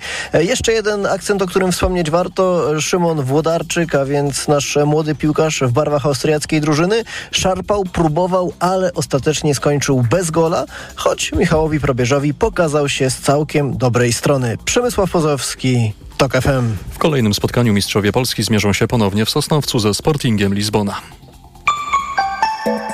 Pogoda. Piątek raczej z umiarkowanym zachmurzeniem. Okresami na północy chmur będzie już więcej i tam pojawią się słabe opady deszczu. 15 stopni w ciągu dnia w Białymstoku, do 16 w Gdańsku oraz Lublinie, 17 stopni w Łodzi i Warszawie, 18 w Katowicach, Krakowie, Wrocławiu, Poznaniu i Szczecinie. Radio TOK FM. Pierwsze radio informacyjne. Debata TOK FM. Agnieszka Lichnerowicz. Wracamy do przedwyborczej e, debaty poświęconej polskim priorytetom i celom w związku e, ze zmianami wywołanymi rosyjską agresją na Ukrainę w 2022 roku i przyszłością Polski, Ukrainy i Unii Europejskiej. E, Państwa gośćmi są kandydaci w wyborach już tuż, tuż. W studiu Radia Tok FM jest Paweł Zalewski, kandydat trzeciej drogi w okręgu 20 na pierwszym miejscu. Podwarszawskim. Podwarszawskim, tak. Jest też w studiu Radia Tok FM Krystian Kamiński, kandydat Konfederacji okręgu ósmego, czyli województwo lubuskie Zielona Góra, miejsce pierwsze. Jest na łączach z nami Maciej Konieczny, kandydat na miejscu pierwszym Nowej Lewicy z okręgu 31, czyli innymi Katowice, Chorzów, Mysłowice. I jest Marcin Bosacki, kandydat Koalicji Obywatelskiej w okręgu 39, czyli poznańskim z miejsca e, trzeciego. Pozwolę sobie e, e, poprosić panów o znów odpowiedzi 90, mieszczące się w 90 sekundach, bo mamy sporo wątków do e, domknięcia i wyjaśnienia, a jeszcze kwestia jest oczywiście e, migracji e, w Polsce i znów e, polskiej polityki migracyjnej, polskich e, e, priorytetów. Może pozwoliłabym sobie e, zacząć jeszcze, bo przerwałam Marcinowi Bosackiemu z Koalicji Obywatelskiej. Jak to jest, jak już o tym mówiliśmy, e, tak krótko, e, z, co, jak pan widzi konieczność reformy systemu e, głosowania w Unii Europejskiej w związku z planowanym poszerzeniem i pytaniem o efektywność systemu unijnego? Bardzo krótko. Jeśli ceną za y, wejście Ukrainy do Unii Europejskiej, czyli rozszerzenie Zachodu na, Unię, na Ukrainę, e, miałaby być pewna korekta systemu głosowania, to należy to rozważyć. Natomiast na pewno są dziedziny, w których prawo weta narodowego czy rządów państw e, musi e, pozostać. E, e, w, być może należy rozszerzyć e, w te obszary, w których wystarczy głosowanie większościowe.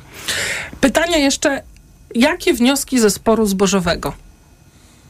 Takie, że em, jest to spór, który jest przede wszystkim wywołany indolencją PiSu i niepotrafieniem A jak... przez cały rok, od zeszłego lata do tej wiosny, e, dostrzeżenia problemu albo gorzej. A jak już pan albo gorzej, albo być może wnioski, część, to część, nie, panie redaktor, ale, ale naprawdę trzeba o tym powiedzieć. Oczywiście jest, mówiliśmy o tym, ja mówiłem, koledzy mówili, jest y, y, pewien obiektywny y, konflikt interesów między rolnictwem polskim i ukraińskim. Ale ten kryzys zbożowy w Polsce jest głównie spowodowany tym, że w Polsce nadal nie ujawnione, mimo że obiecano ich ujawnienie pół roku temu, duże podmioty handlowały tym zbożem wewnątrz kraju, zasypując nim polski rynek, zamiast przerzucać go dalej na zachód, do Afryki i do Azji. Wiemy, tak że jest, to jest- Takie jest sed- sedno tego Wiemy, że to jest rynkowo. Dobrze, i PiS inaczej. tego nie rozwiąże, bo PiS jest to Jak umoczony. koalicja, gdy, jeśli koalicja przejmie władzę, Już mówię. to, To, co będziemy z... jakiś wariant tego, co zrobili Rumuni albo zrobili Słowacy, czyli twardy system e, plombowania na granicy tych transportów, przerzucania ich do portów. Ja na przykład nie rozumiem, dlaczego my się upieramy, że to muszą być porty e, niemieckie, skoro polskie porty powinny na tym zarabiać pod warunkiem, że system będzie szczelny.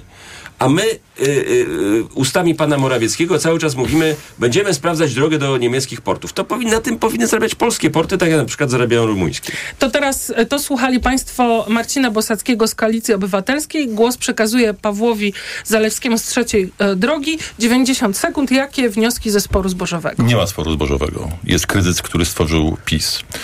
Jakie wnioski z kryzysu, który stworzył PiS? Rolnicy ukraińscy, a właściwie firmy, wielkie firmy ukraińskie, nie są w ogóle zainteresowane sprzedażą na rynku europejskim.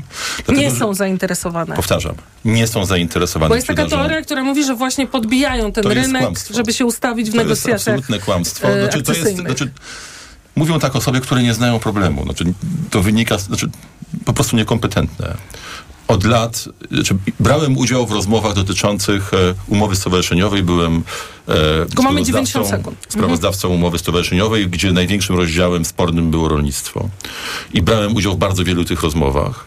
E, rolnicy ukraińscy są, znaczy firmy ukraińskie, tam jest inne rolnictwo niż w Polsce, są zainteresowane rynkiem chińskim, gigantycznym chi rynkiem chińskim, indyjskim, Zatoki Perskiej, afrykańskim. To są rynki zbytu, na które do tej pory sprzedawali e, swoje e, płody i chcą dalej sprzedawać. Problem polega na tym, że nie mają portów czarnomorskich. Że nie mają, że nie mają Odessy, yy, Mikołajewa i rzeczy mają, ale... Ale co może zmienić mogą. trzecia droga? Już, już mówię, już mówię, już mówię. Bardzo konkretna rzecz. Otóż yy, można bardzo prosto we współpracy z Unią Europejską i zaraz powiem w jakim zakresie yy, udrożnić e, tranzyt, bo to jest w ogóle rzecz kluczowa.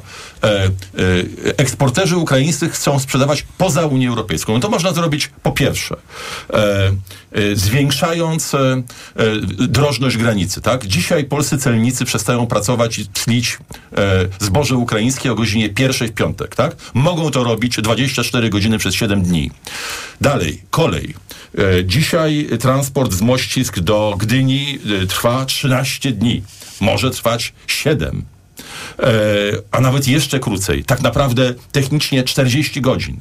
E, do tego na przykład e, potrzebne, bo są już wagony, nie ma takich problemów. Można uruchomić LHS, czyli szerokotorową kolej, która wywozi produkty z Ukrainy do Polski i z terminali dalej do, do Gdańska. To, co jest potrzebne, tak naprawdę, jeżeli chodzi o inwestycje, to jest kwestia terminali, terminali rolnych w polskich portach i tutaj powinniśmy współpracować z Unią Europejską, aby otrzymać pieniądze, tak czy we współpracy z nią stworzyć te, stworzyć te, te terminale. Ale jeszcze jest jedna bardzo ważna rzecz, chyba, że w drugiej rundzie pani mi pozwoli rzecz powiedzieć, to, to powiedzieć. Czyli nie ma sporu między nami a producentami e, ukraińskimi. Natomiast w naszym interesie, w interesie Europejczyków, nie tylko Polski, jest to, aby nastąpiła zmiana struktury produkcji rolnej na Ukrainie, aby ta struktura była bardziej podobna do tego, I co mamy w Europie. zdaniem, czyli co Polska powinna robić? No, powinna doprowadzić do deoligarchizacji także rolnictwa ukraińskiego. Wspierać reformy, które temu będą. Tak jest. Bardzo dziękuję. To był e, Paweł Zalewski z Trzeciej e, Drogi. Pozwolę sobie w takim razie może e, Maciej Konieczny jest na łączach i ja pamiętam, ale e, przekazać teraz głos Krystianowi Kamińskiemu i zapytać o pana wnioski ze sporu zbożowego. Po pierwsze widać, że zagraniczne korporacje, znaczy... holdingi na Ukrainie chcą jakkolwiek te, te zboże wydostać. Większość zresztą nawet nie idzie do Afryki, tak jak było zapowiedziane, tylko większość idzie do Chin. W związku z tym widać, że... Zmienię swoje pytanie. Jak mhm. wy byście współrządzili, to jak rozwiążecie ten spór? Zacznijmy od tego, że my już w czerwcu zeszłego roku mówiliśmy, żeby nie wpuszczać w takiej formie zboża do Polski, bo to zaleje polski rynek i doprowadzi do katastrofy. Wtedy oczci Czyli wiary... polski rynek. Wtedy, ta, dla polski rynek, dla ukraińskich zbóż czy jednak e, no, w zamknąć polski rynek w związku, w związku, z tym, że nie mamy szans konkurować w ramach polskiego rynku z ukraińskim. Ukraiński rynek nie musi spełniać norm unijnych, które polski A rynek musi. A jak się przygotować do tych konkurencji y, na przyszłość? No, mamy cła, tak? Po to mamy cła na granicy, żeby właśnie zagraniczne zboże, które jest innej jakości, które jest w związku z tym też tańsze, nie zalewało nasz rynek. Jeśli otworzymy nasze granice na zboże z Ukrainy, to zawsze zaleje, bo nie będzie musiało spełniać no, tych warunków. Panowie przedstawili sposoby Panowie sposoby na wyprowadzenie wpuszczenie, nie na Tak. wpuszczenie na nasz rynek, nikt tylko nie tak naprawdę na jako tranzyt. Nie, takiej nie, no, dlatego- ale ja odpowiadam na pytanie, jak nasz rynek chronić, tak, a nie... Ale ja oczywiste. mówię o naszym rynku, a nie mówię teraz. tak. Mówimy o, o pełnym tranzycie, czyli pełne zaplombowanie i pełne wywożenie. Z drugiej strony możliwe. cały czas też jest temat i moim zdaniem tutaj tak naprawdę mm, trzeba, Unia, jako Unia Europejska powinna naciskać, bo jest to niestety najbardziej oczywiste, aczkolwiek Unia Europejska takich rzeczy nie robi, ponowne wrócenie do Erdogana i, do, i żeby to Erdogan pośredniczył między Ukrainą a Rosją. Raz mu się udało i powinien tutaj kontynuować po prostu zwiększenie tej A myśli drogi, pan, bo ta nie droga jest... kontynuuje, bo, bo nie naciskała Polska? Czy... Nie, Erdogan też liczy, um, potrafi liczyć, tak? Mhm. O, on, y, chociażby jak było z kwestią migracji, dopiero jak Unia Europejska zapłaciła 5 miliardów, to Czyli zatrzymał... teraz też trzeba by było zapłacić- pan, znaczy, niestety, jeśli Unia Europejska nie jest w stanie na sobie Putina i Erdogana poradzić... się mocno zmniejszyły w ostatnim czasie. Y, Na Erdogana? Putina. Na Putina. Erdogana na. Nie, no, są odpowiednie, bo chodzi zawsze o finanse też. Czyli jakoś rozumiem. Dobra, to jest ma- i Maciej Konieczny z Nowej Lewicy. Jak, i, jak Lewica, jeśli będzie współrządzić, to co zrobi z kwestią zboża? Przede wszystkim nie zgodziłbym się z posłem Zalewskim, że nie ma konfliktu i zagrożenia, bo w oczywisty sposób dla wielkich firm, i to niekoniecznie ukraińskich, ale często zachodnioeuropejskich, sprzedaż taniego zboża na bogatym europejskim rynku zawsze będzie atrakcyjną opcją i stąd faktycznie jest realny spór tutaj i realny konflikt interesów i e, potrzebujemy doprowadzić do tak, do skutecznego tranzytu e, przez Polskę zboża ukraińskiego, bo problem polega na tym, że port w Odessie jest, jest odcięty, e, tamtędy nie da, nie da się eksportować tego zboża i ku temu była, był czas, żeby znaleźć ku temu skuteczne narzędzia. To naprawdę nie jest fizyka jądrowa. Tutaj jak zwykle w przypadku działań międzynarodowych Prawa i Sprawiedliwości na wczesnym etapie rozmowy albo się nie dzieją, albo prowadzone są w jakiś skrajnie niekompetentny sposób i w końcu sprawa wybucha postawiona na ostrzu noża i, i zamykamy granicę. Więc e, tutaj trzeba wypracować narzędzia skuteczne tranzytu tego zboża e, na rynki e, pozaeuropejskie. Okej, to I się trzeba mecha- Wszyscy- po- wszyscy potrzebujemy zgadzają. mechanizmów ochrony, ochrony e, rynku polskiego i europejskiego, bo to jest realny spór e, i realny konflikt interesów. I teraz e, pozwolę sobie zmienić e, wątek, czyli e, kwestia dotycząca migracji. W, Polsce prawdopodobnie jest około miliona, pewnie już mniej, bo wyjeżdżają Ukraińcy między innymi do Niemiec, uchodźcy, którzy trafili do naszego kraju, ale prawdopodobnie jest około miliona osób. No i sytuacja jest taka, że niektórzy eksperci twierdzą, że powtarzamy błędy Zachodu i nie prowadzimy polityk które rozwiązywałyby właśnie różnego rodzaju wyzwania związane z integracją. Nie wiadomo, ile na przykład nastolatków e, jest poza systemem szkolnym, do końca nikt nie ma orientacji, więc być może też młodzi ludzie, którzy... Połowa. E, Poło- e, więc młodzi ludzie, którzy i tak już przeszli, jakoś są poranieni, e, w tej chwili, no tak, znajdują się poza systemem szkolnym. Z drugiej strony, no wiemy, że z sondaży wynika pewne zmęczenie wspieraniem ukraińsk- Ukraińców w Polsce. Z trzeciej wiemy, że rynek pracy bardzo potrzebuje pracowników w Polsce. Z czwartej też wiemy z wyliczeń w każdym razie Polskiego Funduszu Rozwoju, że nawet uchodźcy, a pracuje ponad połowa, więcej wpłacają z budżetu niż kosztuje e, wsparcie nich. E, Więc jakie są konieczne działania, jeżeli chodzi o, obec, o migrantów, o Ukraińców, którzy są e, w Polsce, uciekli, szukają tutaj schronienia w związku z rosyjską agresją? To może pozwoliłabym sobie na początek zapytać Macieja Koniecznego z Nowej Lewicy. z perspektywy takiego dużego obrazka gospodarczego, to tak naprawdę ta obecność Ukraińców, uchodźców wojennych, ale także wczesnej, wcześniejszej migracji ekonomicznej w Polsce, to jest problem dla Ukrainy większym stopniu niż dla Polski. Można przypomnieć, że po raz pierwszy od dawna prawie spina nam się system emerytalny, jeżeli chodzi o wpłaty. I tutaj ratuje nas ta bardzo, e, bardzo duża obecność pracowników ukraińskich, co nie znaczy, że, że nie potrzebujemy mechanizmów aktywnej integracji imigrantów w Polsce. My musimy trochę wyjść z tej fazy tego przyjęcia uchodźców ukraińskich, wojennych i takiego spontanicznego odruchu e, ratowania ich i traktować po prostu tych Ukraińców, którzy w Polsce żyją i, i, i, pracują, jako bardzo dużą mniejszość, z której istotna część. e, A na jakie konkretne działania to się powinno przełożyć? Przede wszystkim nauka języka. nie możemy po prostu, to nie jest tak, że na chwilę te dzieciaki są w Polsce i nie chodzą do szkoły, bo można uznać, że jest jakaś kryzysowa sytuacja, one zaraz wrócą, ale one już są tutaj bardzo długo i nie możemy sobie pozwolić, żeby dziesiątki tysięcy młodych osób nie uczestniczyło w edukacji, bo one pewnie tu zostaną, e, albo istotna część z nich może tu zostać i kontynuować życie, pracę. I będziemy mieli osoby, które, e, które nie przeszły ścieżki edukacyjnej i to będzie, to, to jest, istnieje poważne ryzyko powstania podklasy osób, które które są gorzej traktowane i to jest największe ryzyko także dla polskich obywateli i pracowników. Bo to, o co musimy zadbać, żeby wszyscy pracujący w Polsce, czy to Polacy, czy Ukraińcy, mogli, czekać, mogli liczyć na takie same równe standardy, wysokie standardy, jeżeli chodzi o płacę, o prawo pracy, żeby nie doprowadzić do tego, że obecność ukraińskich pracowników będzie zaniżała chociażby standardy Ale na są, są też tacy uchodźcy, którzy uciekli przed wojną, którzy nie mogą podjąć pracy, czy z racji wieku, czy racji chorób, czy racji opieki nad dziećmi.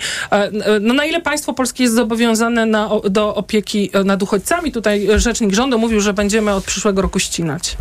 Nie wiadomo, co to Ja znaczy, myślę, ale że tak to jest- powiedział. To jest zobowiązanie e, dla nas, o, humanitarne zobowiązanie oczywiste, że ci, którzy uciekli przed wojną i w Polsce potrzebują naszego wsparcia, nie są w stanie się utrzymać samodzielnie, to wsparcie powinni dostać i raz jeszcze. Jeżeli spojrzymy na duży obrazek i na to, czy my jako Polacy wychodzimy na tym źle czy dobrze, na obecności Ukraińców w Polsce, to to jest jednoznaczny bilans na plus. Jeżeli chodzi o kwestie podatków, składek, e, siły roboczej, tworzenia polskiego dobrobytu, polskiego PKB, to my zyskujemy na obecności tych milionów Ukraińców w Polsce, a tak naprawdę dużym problemem będzie odbudowa powojenna Ukrainy, jeżeli faktycznie ci pracownicy tutaj zostaną. Więc to, To żebyśmy starczy czasu, do tego wrócimy, a teraz bym przekazała, bo słuchali Państwo Macieja Koniecznego z Nowej Lewicy, a przekazałabym głos Krystianowi Kamińskiemu z Konfederacji. E, Czyli biorąc pod uwagę sytuację, e, jaka jest, co powinno być, jakie działanie powinno podjąć polskie państwo wobec e, migrantów, uchodźców z Ukrainy?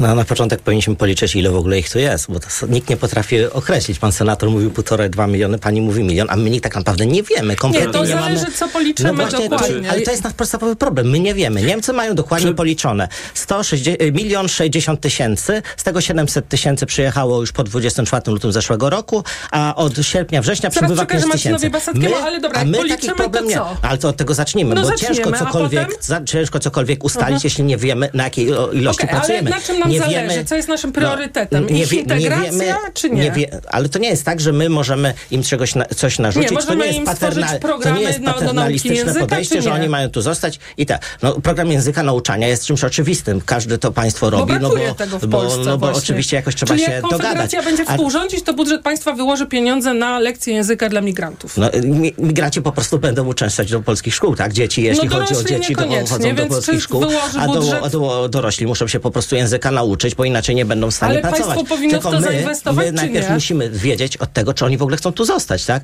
Bo my jesteśmy tak naprawdę e, państwem, które nie miało takich jakiś- problem dobra, do czynienia. ale czy ale my nie mieliśmy pan- nigdy do czynienia z migracją. To jest problem. Nasze państwo nie jest w ogóle przygotowane do przyjęcia, do, do absorbacji Jak i do przygotować i Polskę zobaczenia. do y, dzisiaj? Co potrafi pan powiedzieć? Ale tak Dzisiaj. konkretnie, jeżeli chodzi o przygotowanie, integrację, jakie polityki już ma pan w głowie gotowe, jak będziecie współrządzić? Takie polityki, żeby najpierw policzyć, ilu ich jest i dowiedzieć pierwsze, się dokładnie, ilu chce od nich zostać, ilu chce i po- pomyśleć nad tym, jak nie doprowadzić do getoizacji, bo my mamy A duży dzisiaj nie pan nie myśli o tym jeszcze? A jak my mamy, jak nie, człowiek nie rządzi, to nie, nie, nie może podejmować takich decyzji. Nie, ale przygotowane ma pan plany, strategie, coś takiego? Problem getoizacji jest problem, który wyniknął z tego, że państwo nijak e, nie, nie, nie planowało tego procesu, co z tymi ludźmi zrobić i tak naprawdę umieszczało ich w największych ośrodkach, no siłą rzeczy tak się dzieje. Ale pan a my dzisiaj... diagnozuje, ale ja bym chciała usłyszeć, jaki jest plan, Właśnie Konfederacji. doprowadzenie do tego, żeby te osoby nie gromadziły się w jednym miejscu, tylko żeby były rozproszone. Jak już chcemy utrzymać jakąś większą ilość osób, to nie tworzenie get, nie tworzenie tego, żeby oni właśnie się nie integrowali, tylko A jeśli chcemy ich integrować? no to właśnie musimy ich bardziej, bardzo, zdecydowanie bardziej rozproszyć po państwie, po małych miejscowościach. Co to znaczy przymusowo, czy tworzyć jakieś oferty pracy przez państwo? Jedno i drugie, tak. E, Przymusowo Przy- też. Jeśli nie możemy doprowadzać do tego, że będą całe osiedla zamieszkane tylko przez chociażby Ukraińców, Dobra. bo to tworzy ogromny problem. Rozumiem, e, to, to dwa. A teraz pytanie e, może w takim razie do Marcina Bosackiego z Koalicji Obywatelskiej. Co pan ma już w głowie, co koalicja ma przygotowane, jeżeli chodzi o tą kwestię? Czyli e, polityka państwa wobec migracji. Z całą z pewnością Ukrainy. mamy do czynienia z największą w nowoczesnej historii Polski falą migracji do Polski i teraz o liczbach. Ona się zaczęła oczywiście grubo przed wojną, przynajmniej tą pełnoskalową wojną z lutego zeszłego roku. I wtedy było w Polsce milion, może nawet trochę ponad milion Ukraińców. Przybyło na stałe, na razie jak się wydaje, drugie tyle. Część wyjechała walczyć 100-150 tysięcy. E, z całą pewnością w tej chwili jest między 1,5 a 2 miliony Ukraińców w Polsce, z tym, że niektórzy są już 10 albo 15 lat. E, Polska, e, rząd polski władze polskie, bo to nie tylko jest rząd, to, to, to nale- należy też włączyć samorządy. Samorządy. No właśnie. E, to jest zresztą ta reforma, z której Ukraińcy absolutnie powinni e, z polskich doświadczeń e, korzystać u siebie w, w Ukrainie. E, otóż to musi być polityka aktywna. Ja mam, A konkretnie, bo już mamy ju- bardzo mówię, mało już czasu. mówię. Ja mam, ja mam tę e, małą przewagę, niewypracowaną, tylko po prostu przypadkową, że żyłem w dwóch krajach, w każdym po ponad 3 lata e, imigranckich, w Kanadzie i w Stanach Zjednoczonych. Tam I jest prosta wnioski? zasada. Im bliżej jesteś obywatelstwa i decyzji, że zostajesz tam na, na stałe, masz więcej praw.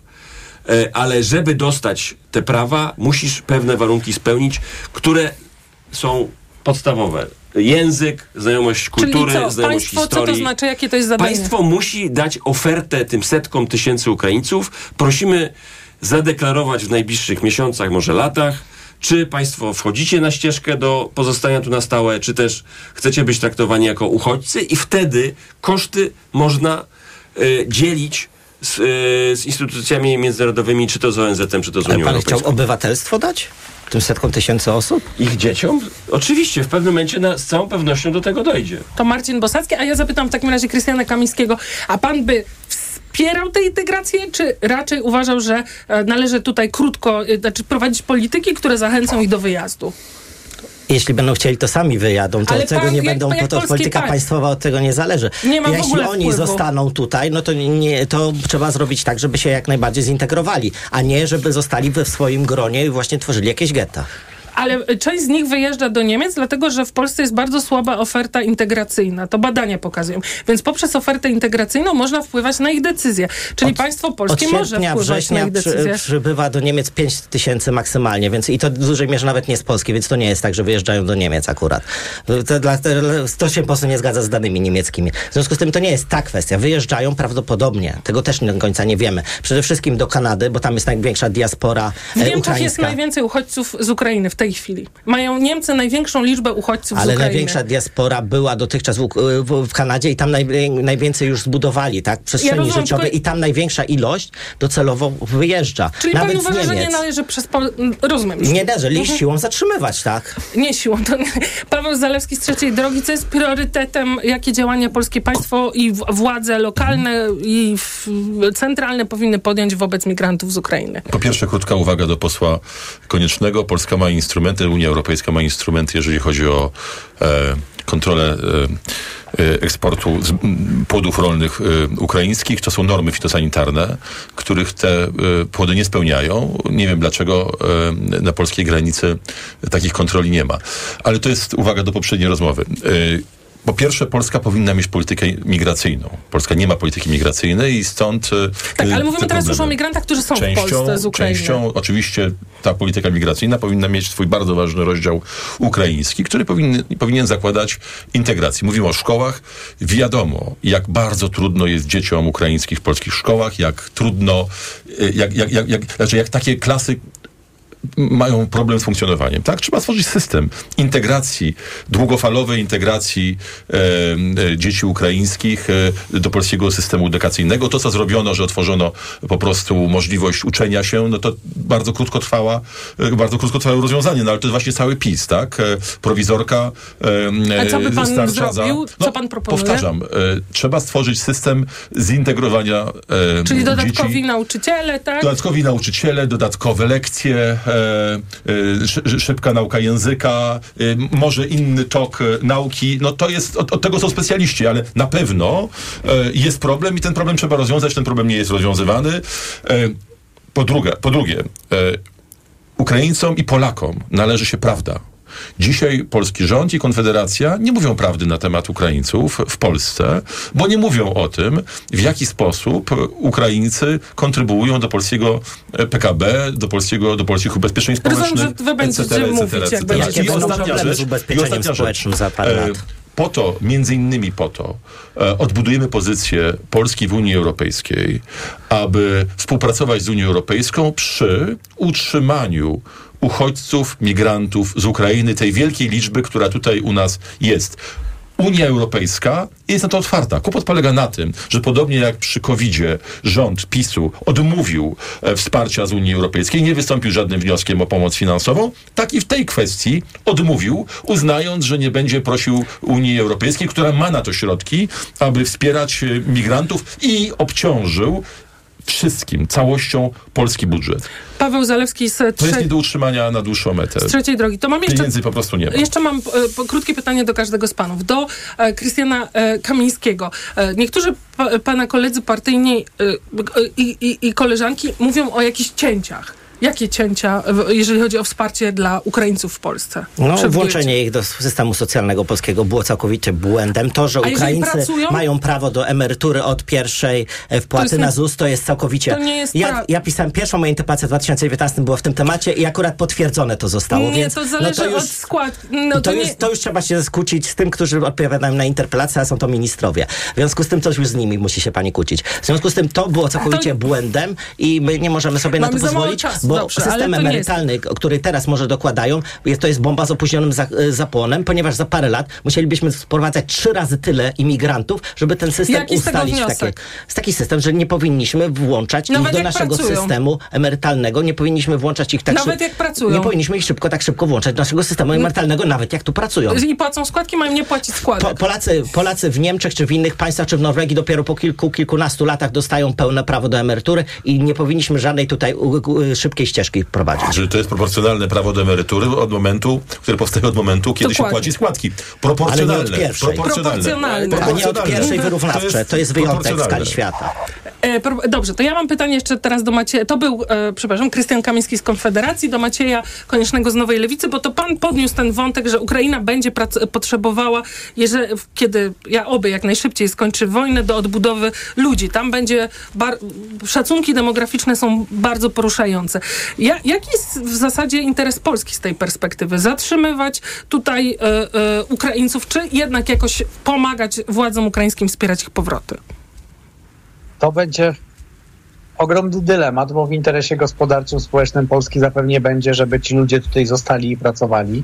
E, natomiast w interesie Polski także jest e, stabilna, odbudowująca się skutecznie Ukraina, ale też no, będą to decyzje ludzi i obawiam się, że że oni po prostu pewnie zostaną w Polsce w ogromnej większości, bo powojenna Ukraina e, pewnie nie będzie najsympatyczniejszym od razu miejscem do życia. Zwracam uwagę na ten ogromny problem, ale to będzie problem taki praktyczny strony ukraińskiej w większym stopniu, Mhm. bo, e, bo ci Polacy, bo ci Ukraińcy tutaj naprawdę e, pracują na, na polski dobrobyt w tym momencie. Maciej Konieczny z Nowej Lewicy to był, e, teraz e, Paweł Zalewski z e, Trzeciej Drogi. Jak pan na to patrzy? Albo proszę podsumować to, co jest najważniejsze, minuta ostatnia, więc... Minuta dosłownie. Wsparcie dla e, bezpieczeństwa Ukrainy, e, wsparcie dla europeizacji Ukrainy, bo dzięki przyjęciu przez Ukrainę standardów europejskich wszystkie te problemy, o których tutaj mówił również pan poseł Krystian Kamiński, będą rozwiązane, bo na przykład, jeżeli Ukraina przyjmie wartości europejskie, to nie do pomyślenia będzie niepozwalanie na ekshumację e, ofiar e, zb- zbrodni wołyńskiej e, i wsparcie dla tych reform. E, Polska ma wiele do zaoferowania, e, jeżeli chodzi o swoje doświadczenia. One oczywiście e, muszą ulec dostosowaniu do warunków ukraińskich, ale my w ten sposób możemy także budować pozycję Polski na Ukrainie. To był Paweł Zalewski z Trzeciej Drogi i Marcin Bosacki z Koalicji Obywatelskiej. 85-90% polskich i ukraińskich interesów strategicznych jest zbieżnych. Jest oczywiście 10, może 15% rozbieżnych, na przykład to, o czym mówiliśmy przed chwilą, y, czyli rolnictwo, albo to, o czym mówiliśmy dosłownie w ostatnich sekundach, czyli to, czy y, ta rzesza Ukraińców ma zostać w Polsce, co jest w polskim interesie, bo to jest y, pomoc dla polskiej gospodarki, czy powinna wrócić na Ukrainie, co by było w ukraińskim interesie. To, żeby państwo polskie zdiagnozowało dobrze polskie interesy na styku z Ukrainą, to jest zadanie dla nowego rządu, bo PiS tego ewidentnie nie robi. I jeśli odbudujemy politykę zagraniczną i e, dyplomację, to będziemy w stanie w trójkącie Polska, Ukraina, Zachód większość tych spraw rozwi- rozbieżnych rozwiązać. To nie będzie proste ani łatwe, ale to jest możliwe. Przy założeniu, że niepodległa, prozachodnia, zintegrowana coraz bardziej z Zachodem Ukraina jest w polskim, w polskim interesie.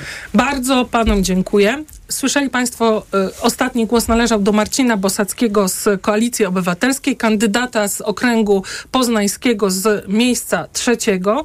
Na łączach słyszeli Państwo Macieja Koniecznego z Nowej Lewicy, czyli z okręgu, trzy, y, okręgu 31 Katowice, między innymi Tychy czy e, Mysłowice, kandydat na miejscu pierwszym. W studiu Radia Tok FM był też Krystian e, Kamiński z Konfederacji, kandydat z okręgu e, województwo lubuskie, miejsce pierwsze i Paweł Zalewski, kandydat trzeciej drogi e, z okręgu 20, czyli Obwarzanek Warszawski z miejsca pierwszego. Bardzo e, dziękuję za udział w dzisiejszej e, debacie. Program, debatę wydawały Maria Andrzejewska i Karolina Kłaczyńska, realizował Krzysztof Malinowski. Dobrego wieczoru. Dziękuję bardzo. Dziękujemy. Dziękuję, dobrego wieczoru. Debata TOK FM. Reklama. Ogłaszamy żabkobranie! Za 3 złote dobieranie! Skocz do żabki i dobierz polędwicę sopocką olewnik lub ser Gouda Mlekpol za jedyne 3 zł, robiąc zakupy od poniedziałku do soboty za minimum 10 zł. Żabka. Uwolnij swój czas.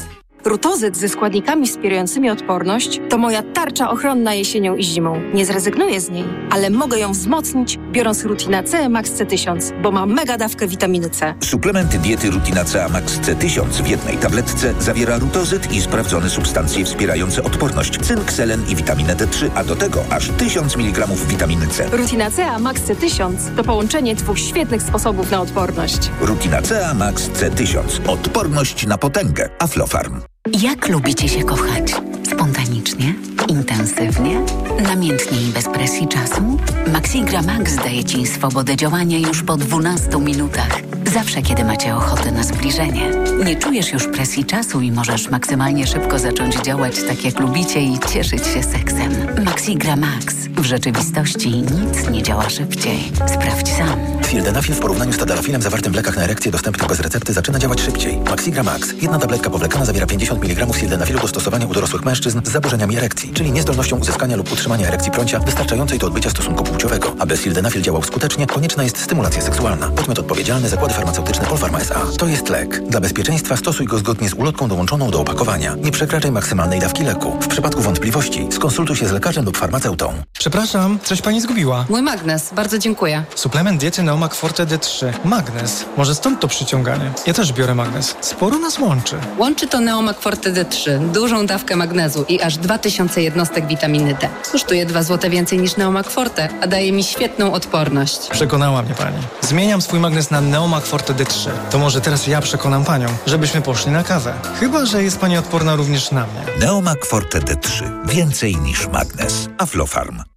Pisowska lista płac w wyborczej. Dziś dotacje na kulturę. Od 3 milionów złotych na Festiwal Niezłomnych po 200 milionów na Muzeum Fundacji Rydzyka. Sprawdź, komu jeszcze władza podarowała pieniądze. Pisowska lista płac dziś w wyborczej i na wyborcza.pl. Hemoroidy dokuczają mi coraz bardziej, choć próbowałam różnych środków. Przy silnych hemoroidach nie każdy lek pomoże. Zastosuj Proctohemolan. Krem Proctohemolan przynosi ulgę nawet w ostrych objawach hemoroidów. Do tego zapobiega nawrotom choroby. Proctohemolan. Bez hemoroidów szybko i na długo. Proctohemolan krem. Tribenozyt lidokaina. Wewnętrzne i zewnętrzne żylaki odbytu. Przeciwwskazania na wrażliwość na którykolwiek ze składników. Aflofarm. Przed użyciem zapoznaj